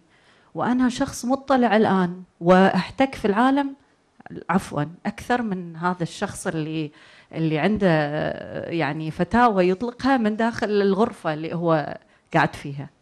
فأرجو أن يعني تعطيني تعليق بالعلاقة بين الفر... التفرد واللامنطقية وشكرا. طبعا أنا اعجب أعجبني هذا الربط. ما كنت متخيل أن أن يحصل ابتكار لعملية الربط. أنا أشكرك يعني. لأنه ما خطر في بالي عملية الربط هذه وأنا أفكر في في الم... طبعا تعليقا على الفكرة تفضلت فيها طرحت فكرة بالستينيات من القرن الماضي لكن باءت بالفشل. لم لم ترى حظوظا. لا يعني خاصة في الفضاء الشيعي خ- خليني أتكلم أكون واضح أكثر. وهي فكرة ال- الاجتهاد الجماعي. بمعنى أن ال- المرجعية تصبح عبارة عن كتلة من كبار الفقهاء معا محاطة بخبراء يسعفونها ويرفدون بجميع المعطيات وتكون الفتوى عبارة عن حاصل عملية تفاعلية طويلة ممكن أن خاصة فيما يتعلق بمستحدثات المسائل. لكن طرحها لعله من أوائل من طرحها الشيخ المطهري. تعرفون أنه بعد وفاة سيد بروجردي في إيران عقدت جلسة في بيت يد الله سحابي أحد كبار رجالات الحركة الإصلاحية الإيرانية توفي في بيت يد الله سحابي دكتور يد الله سحابي وكان يشارك في هذه الجلسة علامة طباطبائي كان يشارك فيها سحابي كان يشارك فيها الشيخ مطهري كان يشارك فيها آه، لا أذكر الآن إذا الدكتور شريعة أيضا كان أو لا ولكن يشارك فيها مجموعة من من كبار النخبة حقيقة ولأول مرة يتداولون قضية المرجعية كانت هذه أول مرة يتم فيها في المؤسسة الدينية تداول قضية. كيف نتعامل مع موضوع المؤسسة الدينية وفي ذلك الفضاء ولدت آه، فكرة الاجتهاد الجماعي وتكوين آه، المجلس الإفتاء. لم يعد هناك لن يعود هناك مرجع وإنما مجلس إفتاء وهذا المجلس سيكون محاطا بنخبة من جميع الاختصاصات. الكل سيشارك للتوصل إلى إلى صيغة. لكن الفقه الإمامي آه، لم يقتنع اجتهاديا بهذه الفكرة نفسها لأن نظرية الأعلمية وقفت يعني سدا منيعا أمام اقتناع بهذه الفكرة. بأي وجه نأخذ رأي الأغلبية؟ قالوا ما دام يمكن يكون الأعلم في الأقلية. ودخلت القضية في في سجال وانتهت إلى أنها لا تكون حتى حتى حتى آه، أحمد حسين فضل الله رحمة الله تعالى عليه تداول هذه القضية في كتابه المعالم الجديدة للمرجعية على ما أذكر. أيضا أخذ وأعطى فيها ولكنه بقي متارجحا في إمكانية التوصل إلى حل فقهي لها هذه الفكرة يمكن أن تساهم في تخفيف آه، هذا يعني هذه الفجوة القائمة شئنا أم أبينا ما بين مركز صدور الفتوى وما بين المجتمع الذي يتلقى الفتوى وخاصة الفتاوى التي الآن باتت تترك تأثيرا كبيرا ولها ارتدادات ولها تداخلات مع, أمور أخرى وما شابه ذلك. نأمل إن شاء الله تعالى أدري نأمل إن شاء الله تعالى أن يصار إلى الاقتناع بأفكار من هذا النوع. يمكن أن تنضج المؤسسة الدينية وبالتالي تتبنى خيارات أفضل من الصورة القائمة اليوم لإصدار الفتوى إن شاء الله.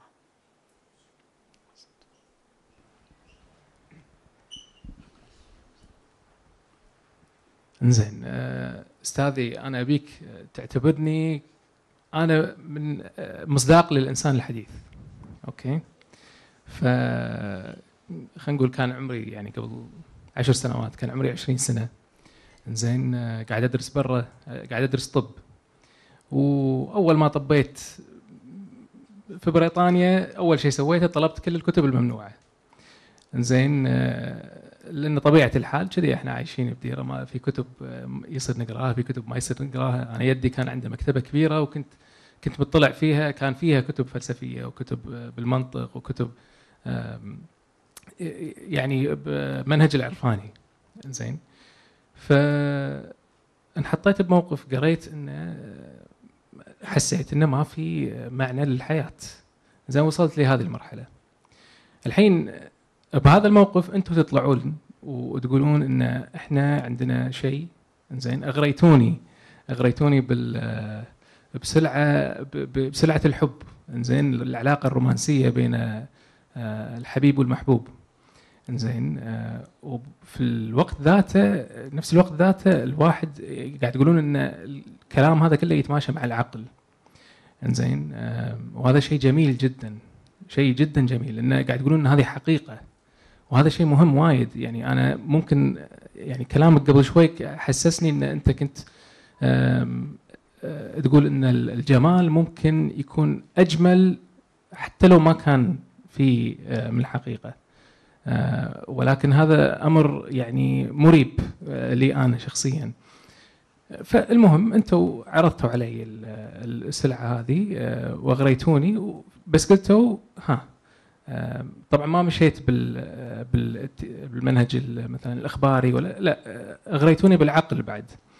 فمشيت ورا العقل وكأني Alice Wonderland دخلت بال rabbit hole زين ووضعت وأنا قاعد أدرس طب. يعني أنت الحين قاعد تتكلم عن منهج كامل.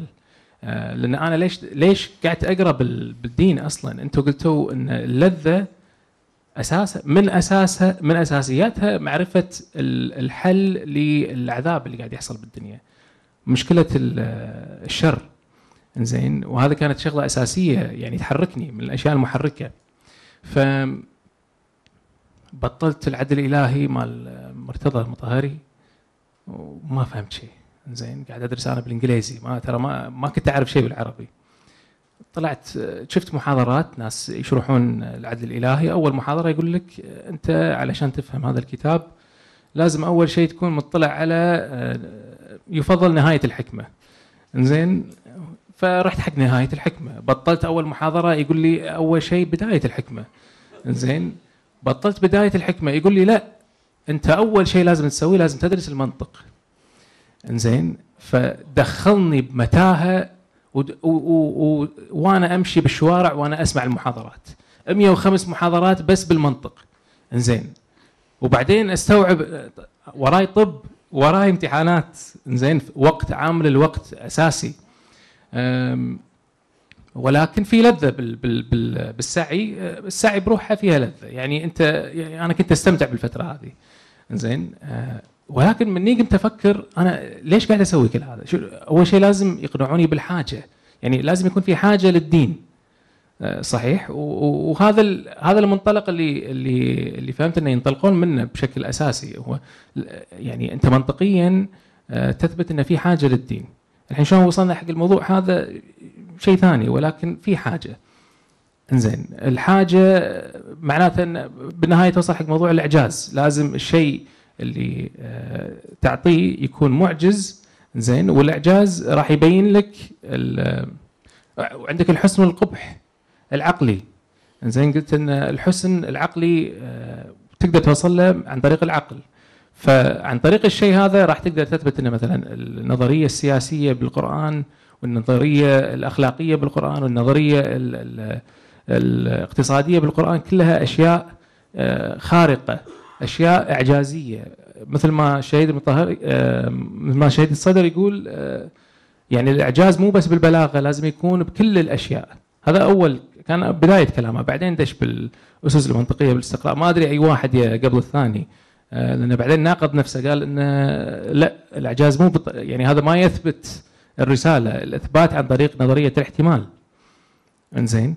فالحين أنا طبعا ليش قاعد أقول لك كل هذا؟ كل هذا الكلام خذ وقت كثير. أم، وبالبداية المدخلية كانت الحسن والقبح العقلي. معناته إن الفلسفة تقدر توصل إلى الحسن العقلي إنزين؟ فالكلام الزائد هذا المتاهات الآخرة هذه يعني آه، ممكن تقول قاعد تي قاعد تدخل البيت من ورا زين طريق ال- ال- ال- الباب الأمامي هو مثلا خلينا نقول لأن ما لقيت meta ethics لل لل لل للمذهب اللي كنت أقرأ فيه. زين آه، ولكن اللي حسيت انه فهمت إنه كان نوع من consequentialism ما أدري شنو الكونسيكونشاليزم بالعربي بس هذا اللي فهمته. زين اذا الكونسيكونشاليزم هو الأساس. وعلى اساسه بينت إن القرآن يمشي مع الموضوع. ليش دخلونا بالمتاهات هذه؟ هذا اولا. زين وهل أنت تؤيد إن نلغي العقل؟ يعني نلغيه تماما مو تماما ولكن أنت تدري العلاقة بين الحبيب والمحبوب. ممكن أنا أحب بنت و... وأسعى وراها وأنا أدري إن ممكن تضرني. ما ما لي علاقة بالكونسيكونسز فهل هذه طريقة ثانية؟ أم، لأن أنا إلى يومك هذا أقدر أشوف نفسي أقدر أتضرع إلى الله مع أني آه، مو شرط من هذه المدرسة. زين وأحس باللذة. ولكن الإيمان اليقين مو مو موجود عندي. اليقين نفسه مو موجود عندي. لأن لقيت وايد تناقضات وايد مشاكل بالمنظومة الفكرية. زين حتى حتى موضوع ال- ال- الحين آه، الأسس المنطقية الاستقراء شلون آه، أنتم قلتوا إن المفروض إنه يغير الفقه كله. زين آه، الحين عشان توصل إلى القطع أو اليقين الموازين الرياضية صارت جدا ثقيلة يعني مو نفس الأفكار القديمة اللي كانت موجودة. فحسب كلام بعض العلماء كانوا يقولون إذا انت تبي تطبق الكلام هذا 80% يمكن من الأشياء اللي موجودة ما لها ما لها أساس آه، ما لها أساس epistemology justified زين؟ فوين؟ إحنا ضايعين. نظل نظل بال- بالمتاهة نفسها. زين؟ ونس وندور. فانتم أغريتونا ولكن ما ندري شنو نسوي بالعقل. إذا إذا إذا شغلناه زين راح نضيع بالمتاهة مالتكم. وإذا الغيناه راح نرتاح ولكن مع اليق... مع العلم إن إحنا ممكن آه، قاعدين نتلذذ بشيء بجمال الشيء ولكن في جمال أعلى منه اللي هو جمال الحقيقة. نعم. ذكرتوني ذكرتوني بما يعرف بتاريخ الفلسفة بشفرة أوكامي. أوكامي أحد الفلاسفة القرن الثالث عشر أو الرابع عشر الميلادي في أوروبا. كان يقول آه، أفضل ال- ال- البحوث هو البحوث الأقصر. إذا في بحوث ما إلى ضرورة نحذفها. إذا في مقدمات في الاستدلال ما إلى ضرورة نحذفها. فكان آه، يعني يعتمد على ما يسمى بالشفرة قطع كل الزوائد. فالآن ذكرتوني أنتم لازم نستخدم سيف أوكامي. حتى نقطع بعض هذه الزوائد لأن الرحلة كما تقول صحيح إذا تبدأ في هذا الزمن تنتهي يوم القيامة.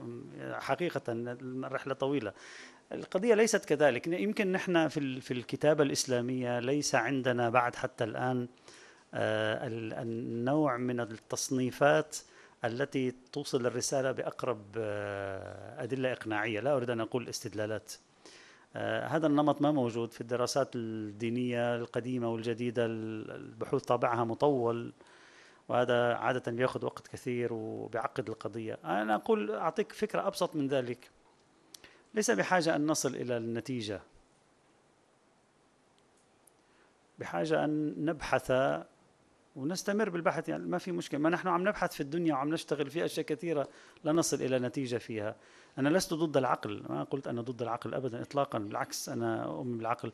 ولكن إذا أراد الإنسان أن يبحث مختصرا حادفا المقدمات من هنا وهناك ليس هناك ضرورة للاستعجال في النتائج. لماذا لماذا أقول ذلك؟ لأنني أقتنع بأن آه، الله سبحانه وتعالى لا يكلفنا فوق طاقتنا. وإذا كان الله سبحانه وتعالى لا يكلفني فوق طاقتي وكان موضوع معين يحتاج حتى أحصل إلى وقت معين يمكن الظروف لا تسمح لي. فأنا علي أن أبحث وأن أسعى. إذا هاجمني الموت في في هذا الطريق إذا كنت مخلصا فأنا معذور أمام الله سبحانه وتعالى. يعني ليس من الضروري أن أكون مستعجلا دائما. واليقين الذي تتكلمون عنه يعني إذا كان يراد منه اليقين البرهاني الفولاذي ربما الآن تحصيله صعب. دعنا نذهب نحو الترجيحات. ترجيحات يمكن أن تكون أسهل في هذا الإطار. وسلسلة المقدمات التي ذكرتها ليست هناك ضرورة لها. يعني في بعض الأحيان نحن نرجع للوراء حتى نبدأ من جديد. في الحقيقة الذي رجع للوراء حتى بدأ من جديد هو الفلسفة الغربية أكثر من الفلسفة الإسلامية. هي التي رجعت للوراء كثيرا وعودت العالم على الانطلاق من نقطة الصفر للانتهاء. أي بحث يحتاج إلى الرجوع للوراء ما دامت هناك أمور مشكوكة ولكن أعتقد أن آه، بعض الأمور الجدل فيها كثير أكثر من كون اليقين فيها قليل وبالتالي كثرة الجدل فيها لا حاجة إلى أن نطيل البحث فيها. خلاصة فكرتي أن الإنسان يعتمد على العقل في الوصول إلى نتائج حاذفا الزوائد لا حاجة إلى يفكر بكل القضايا حتى يحسم الخيار في كل القضايا يكفي أن يحسم الخيار في القضايا المركزية في الهيكل العظمي. ويحاول أن يفكر فيها واصل إلى ترجيحات قوية وليس من ضروري إلى يقين برهاني يحسم النزاع كما يقول الدكتور علي الوردي مما لا يختلف فيه إثنان ولا يتناطح فيه عنزان. لا ليس من الضروري أن يكون كذلك. وخلينا نخفف من من من من تصورنا للقضية الدينية. يعني نحن متصورين القضية الدينية إذا أنا كنت مؤمن يعني يجب إذا كنت بالأمم المتحدة أن أقنع كل الحضور. وإذا ما اقتنع كل الحضور فأنا إيماني ضعيف وقدرتي وحجتي ضعيفة. يعني المبالغة الز... نحن في كثير من الأحيان قضايا غير دينية نحصل على يقين فيها بطريقة أبسط. لكن في القضايا الدينية يعني نحتاج إلى كل هذه المقدمات الطويلة والرحلة المعقدة لحتى حتى نصل إليها. نعم يحتاج الإنسان إلى البحث في طريقه إذا وفق وفق ما وفق لا يحمل نفسه فوق طاقته. الشيخ البهائي كان يقول إذا كان الإنسان قد بحث لله مخلصا ولم يصب الحقيقة فإنه معذور أمام الله. يكفيك أن تكون مخلصا وأنت تبحث ربما خير لك من أن تعرف الحقيقة نفسها.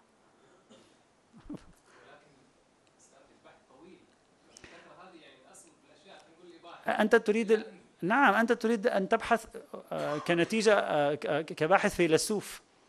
يعني يمكن للإنسان أن يقارب الأمور بطريقة أبسط. يعني لا تريد أن تؤسس نظرية في العدل الإلهي. يكفي أن تكون مقتنعا بأحد الأوجه مرجحا لأحد الأوجه دون أن تكلف نفسك ما لا, ما لا تطيق. مثل أي بحث في أي علم. يكفي أن تكون مقتنعا بأحد الأوجه تعرض عليك الأفكار المتنوعة. ترى أن هذا أفضل تذهب إلى هذا.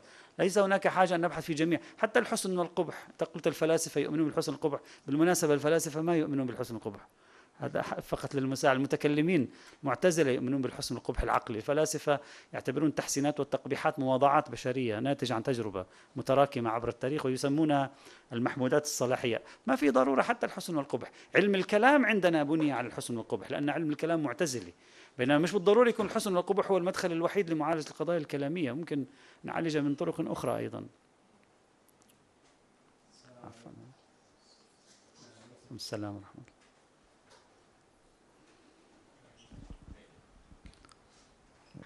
السلام عليكم عليكم السلام ورحمة الله آه معك يوسف البلوشي آه سعيد جدا إني ألتقي فيك بشكل. مباشر والشكر. هم موصل لمشروع شركة تكوين للكتابة الله. استضافتكم. آه السؤال اللي طرحته بخصوص كيف يمكن أن نتصل مع الإنسان الحديث؟ آه أعتقد إن آه إحنا نعيش في في عالم منفتح على على الآخر يحتوي على الكثير من الأفكار والمعلومات وأدوات تلقي هذه الأفكار وهذه المعلومات. آه بحيث إن أصبحنا آه في في في حالة من آه، في حالة من من تدفق المعلومات اللي ما يمكن ما يمكن أن نحدد صحة هذه المعلومة أو غير كافي إن نحن نحدد هذه المعلومة صحيحة أو غير كافية أو أو غير صحيحة. ما ما أبي يعني أطول في الكلام آه، أبي أبلش بس في في إن المراحل العملية اللي أعتقد ان ممكن نصل لإجابة السؤال اللي أنت طرحته وهو كيف يمكن آه، أن نتصل مع الإنسان الحديث يبدأ من تشخيص الواقع. اولا خلينا نتفق على نقطة إن إحنا مهما آه، يعني أفضنا في في البحث وجمع المعلومات عن الواقع لا يمكن إن إحنا نحصد أو نحصر هذا الواقع، هذا لازم يعني نتفق عليه بشكل واضح. آه، في ظل وجود هذه العولمة وتضخم المعلومات، الأفكار المادية وتكريسها في حياتنا اليومية أصبح صعب آه، على ال على ال يعني علينا إن إحنا نقوم في في في إيجاد حالة من من من رفض المادية وال وال وال والذهاب إلى الماورائيات اللي هو الدين وغيرها من المفاهيم الماورائيه. الحين ممكن يكون هذا انطلاقا من من تحديد أدوات المعرفة اللي يمكن إحنا نكتسبها كبشر. إحنا عندنا مشكلة يعني بالكويت في الخصوص إن إحنا نعيش في حالة آه، تكرس فيها حالة ال- ال- ال- ال- ال- المعرفة المادية. يعني عندنا أداة معرفية واحدة وهي الموجود أمامك، التلقي، ال- ال- التسلسل ال- ال- ال- الممنهج اللي حاطينه قدامك في المناهج ال- ال- التربوية. وهذا غير كافي يعني. إحنا لازم نطلع أكثر على أدوات معرفية أكثر. آه، آه، نشتغل أكثر على على نظريات معرفية أوسع. نطلع على آه، على نظريات معرفية غير اللي إحنا موجودة عندنا. أعتقد من خلالها ممكن تكون انطلاقا أن نتحاكى مع مع الأشخاص بالعقل والمنطق. وبنفس الوقت إن هذا هذه هذه هذه الآلية في ال- في التحاكي مع الطرف الآخر لا ينبغي أن تعتمد فقط على على المنطق والعقلانية لأن آه، المنطق والعقلانية موجودة في في في الغرب بشكل آه، منطقي بالنسبة لهم ولكن بالنسبة لنا إحنا يعني قد تكون غير غير أخلاقي منطقي بس غير أخلاقي.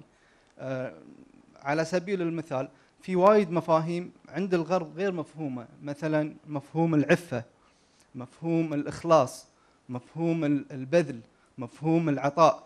آه، ممكن يكون يفسرها بطريقة انه مجرد إني أنا أقوم أشارك في في آه، مثلا ماراثون يدعم مرض معين هذا أنا أديت التكليف اللي علي في حين إن هذا لربما يكون تسطيح حق آه، الحالة اللي إحنا نطمح لها في في في العلاقة مع الدين أو توجيه الدين لنا. آه، ال- اللي اللي يعني آخر ما ودي أتكلم عنه أو إني أسلط الضوء عليه ما هي الآليات اللي اللي ممكن إحنا آه، نسعى من خلالها إن ننزع هذا الإنسان المتمسك في الأرض، المتمسك في المادة، المتمسك في تكريس ال- ال- التقنيات في حياته والمعتمد عليها بشكل آه، كبير ونحن نوجهه بطريقة أو ان إحنا مو نوجهه ان إحنا نقول له ترى اللي اللي اللي اللي أنت متمسك فيه هذه لذة محدودة الزمن محدودة الفائدة تقتضي مع اقتضاء هذه اللذة بالتالي في هناك أمر أوسع أمر أفضل وهو ما ورائي وهو سبيلك آه، لنهاية وهو وهو السبيل اللي ينطلق مع نهاية هذا العالم في عالم آخر آه، إحنا مقبلين عليه ولا بد إن إحنا نجهز له.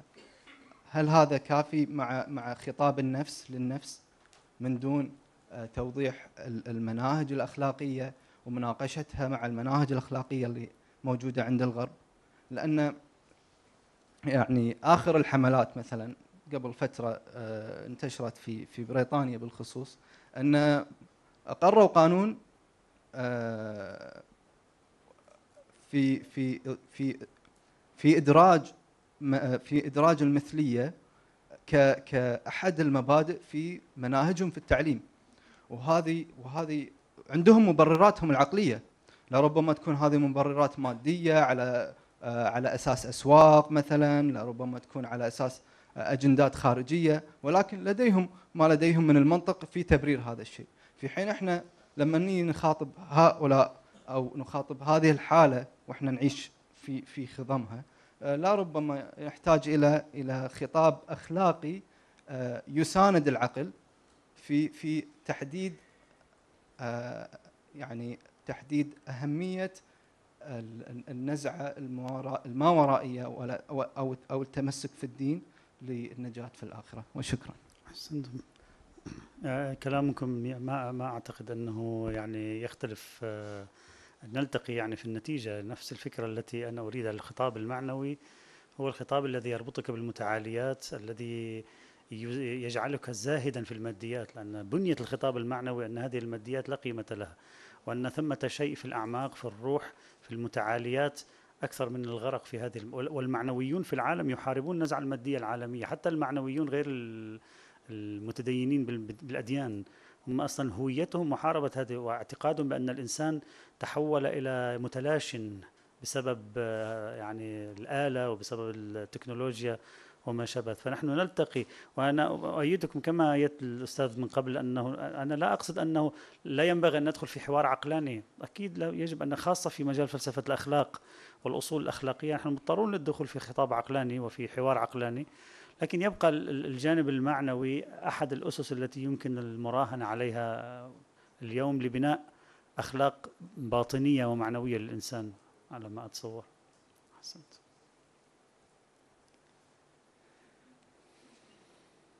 أحسنت. شكرا.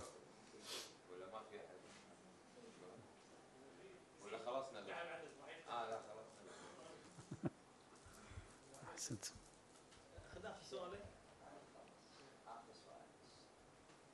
أنا ف- ما عندي مشكلة. أنا ما عندي مشكلة. لا. آه، أنا-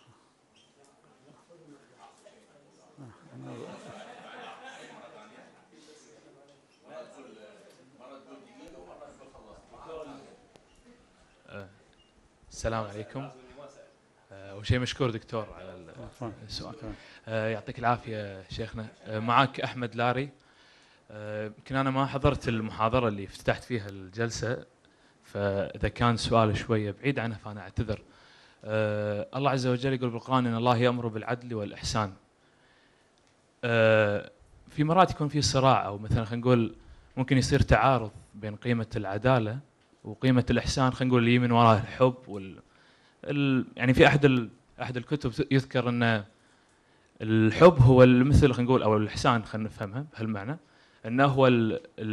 اللي يحمي العدالة من أن تكون علاقة جافة مساواة جافة أن أعطيك وتعطيني أو مثلا أحسن أحسن لك عشان تحسن لي. ف هالمفهومين العدالة والإحسان لقيام الدول لقيام خلينا نقول الحضارات أي هي لها الأولوية؟ وشنو حل شنو طريقة ال- يعني الألفة بين هالمفهومين العدالة والإحسان؟ يعني لا أجد تنافيا بين المفهومين آه، بل يكمل بعضهما بعض القرآن في مواضع أخرى تكلم وأن تعفو أقرب للتقوى. يعني بالإمكان أن يطالب الإنسان بحقه وأن يعفو هو أقرب للتقوى ليست هناك أي مشكلة. ما أجد تنافي بين المفهومين ولا أجد أن ال- النص القرآني يتكلم عن واحد مكان الثاني. إذا قلنا كل الحياة عبارة عن عدل فهي مشكلة. وإذا قلنا كل الحياة عبارة عن إحسان فهي مشكلة. وبالتالي القاعدة هي العدل. والإحسان هو مرتبة راقية سلوكية يتعامل فيها الإنسان مسقطا أحيانا بعض حقوقه وما شابه ذلك. ما أظن أنه يعني لا لا أرى تنافيا بين المفهومين بل يكمل بعضهما بعضا. والإحسان مرتبة من السلوك الأخلاقي النابع عن كون الإنسان يسقط فيه بعض حقوقه مثلا دون أن يضر بأحد وبالتالي لا ينافي العدل في في تقديري. الله أعلم.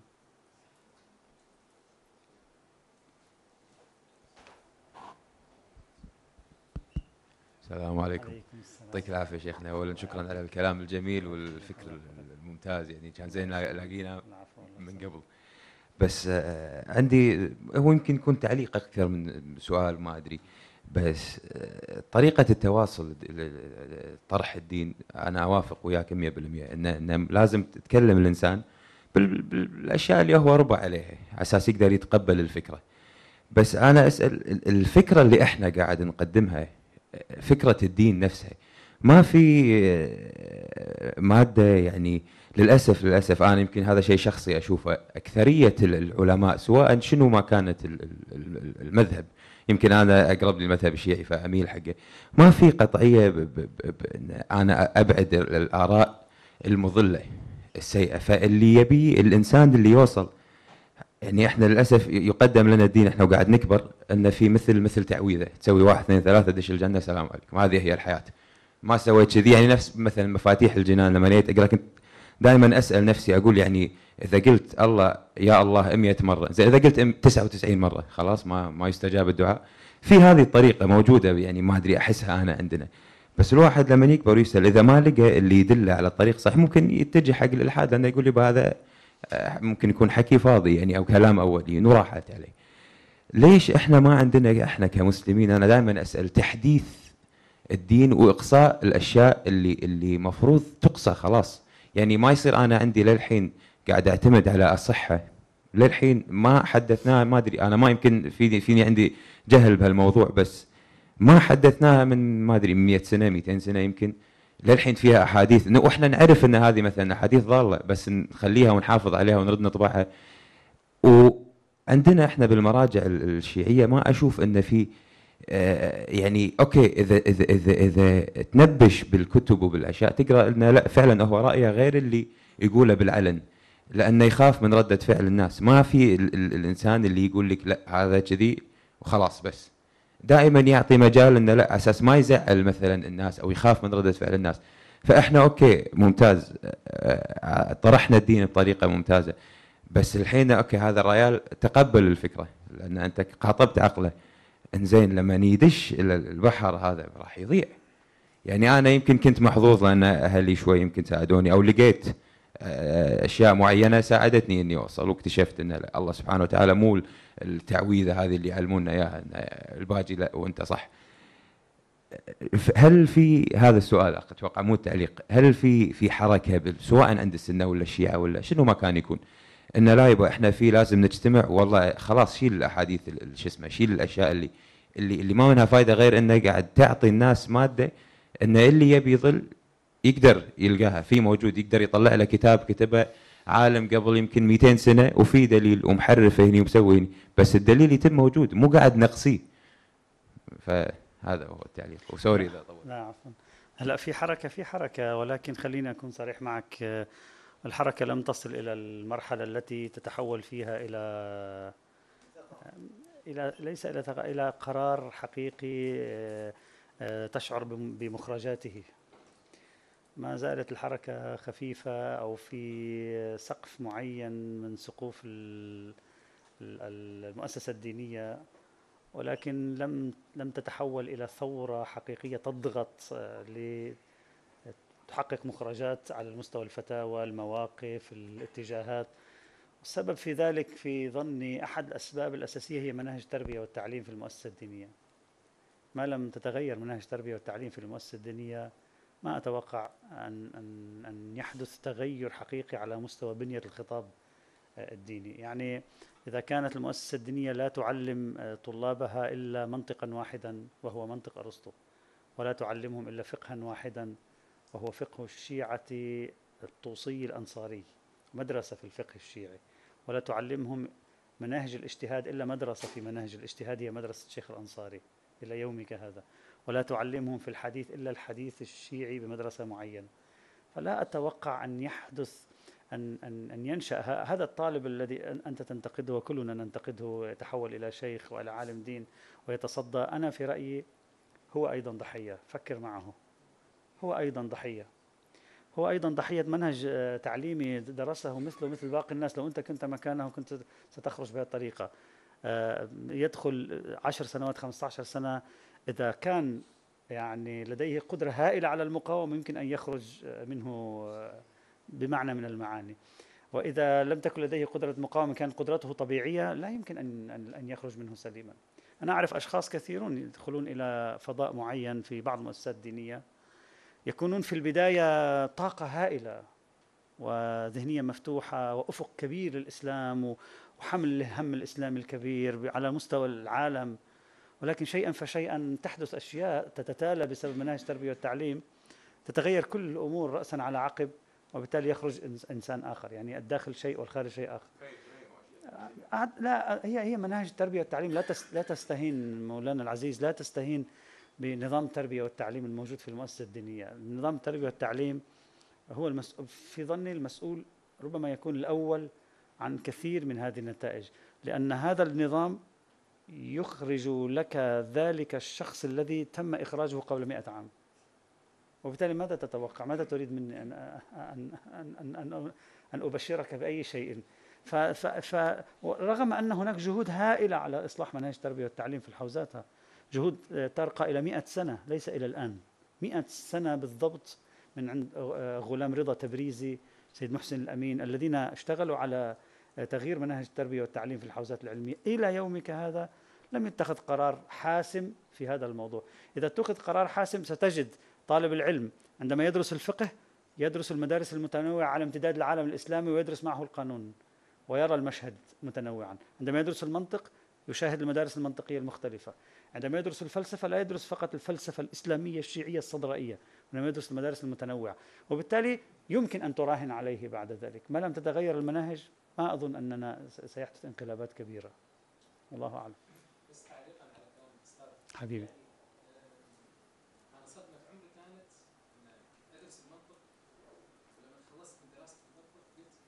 منطق الشيخ المظفر إيه. منطق الشيخ المظفر اللي شرحه أربع اجزاء آه المقرر نعم فقلت ابي اترجمه للانجليزي على أساس انه هم أنا اللغة الاساسيه عندي بالانجليزي اول شيء سويته في الجامعة عندنا بروفيسور كان يدرس منطق بشكل رهيب وكان يعني تو بس كان كاتب كتاب اسمه Logic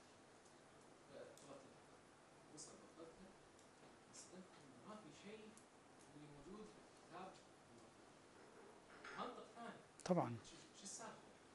شلون كذي؟ ليش ما قالوا لي عن الموضوع هذا؟ إحنا 105 محاضرات اللي بال انت عندك مشكلة مع ال 105 محاضرات هذه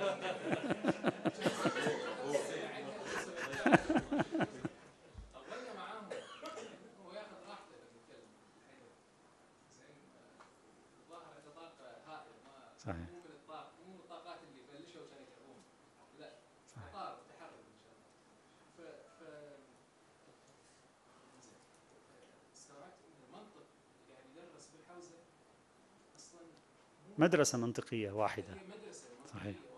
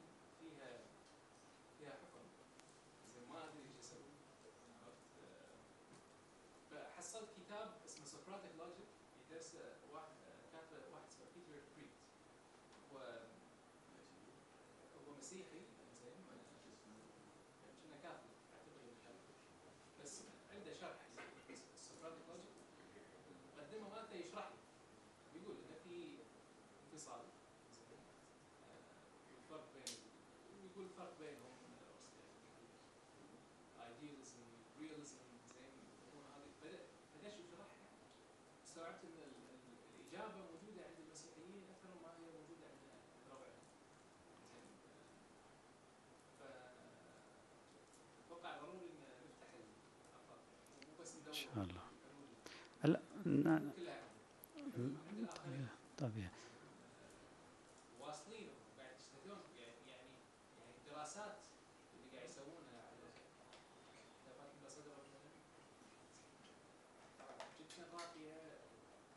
قاعدين فيها وإحنا للحين ندور ال- ال- الكلام اللي يقولون يعني يعني ال- شرح الاسفار شرح الاسفار ما يخلص زين مؤذي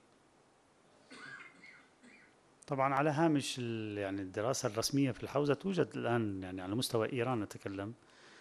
يوجد اهتمام بالمدارس الفلسفية العالمية الجامعات التي حتى في داخل الحوزة كجامعات لا كحوزة منفتحة على هذا العالم نسبيا. والإيرانيين يعني أعتقد متقدمون علينا في في هذه النقطة. آه، بمعنى من المعاني مهتمون بالدراسات الغربية بالمدارس المنطقية الفلسفية الأخرى. وتوجد عندهم جامعات أصلا مستقلة في هذا الإطار وهناك إقبال نسبي لبعض طلاب العلوم الدينية للتخصص في هذه الجامعات ربما المسألة تحتاج إلى وقت لا أدري. لكن نسأل الله سبحانه وتعالى التوفيق لنا جميعا. حتى لا حتى لا نخرج في حالة من الإحباط لم لا, لا نقصد أن نخرج محبطين من هنا بقصد ما نريد أن نخرج إن شاء الله متحمسين آه، مليئين بأمل إن شاء الله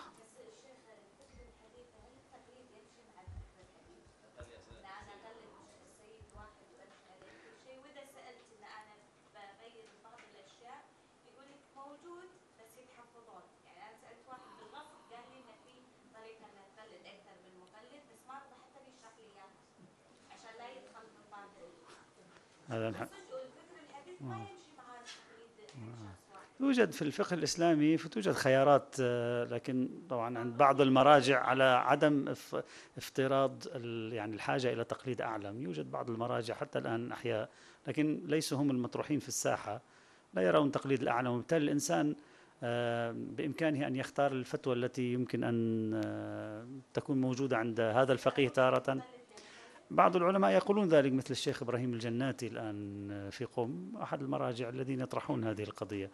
ولكن ليسوا من الشخصيات التي هي مطروحة في الساحة على مستوى المجتمع الشيعي عموما يعني الفكر للحين ما يتقبل ان أنا اقلد واحد وهذا هو يعطيني كل شيء واذا مثلا let's say القمر أنا عندي مثال ال- الفلكي أوكي بس تقليدي يقول لي فلكي ما يصير زين في صار لخبطه بين أنا تفكيري وبين تقليد يعني فيصير شلون أنا امشي على تفكيري وطريقه هذا الله يحاسبني ولا لا تقليد والله يحاسبك لأن يعني بضغط لا على راس لا هم المتزالم يعني شلون لا هي هي حسب طبيعة الموضوع. إذا طبيعة الموضوع آه، تابعة للاجتهاد في النصوص الدينية طبيعي الواحد يحتاج أن يكون يعني متخصص في هذا المجال. إذا طبيعة الموضوع خارج هذه الدائرة لا هو بإمكان الإنسان هو أن يحدد حسب نوعية الموضوع وطبيعة الموضوع. شكرا.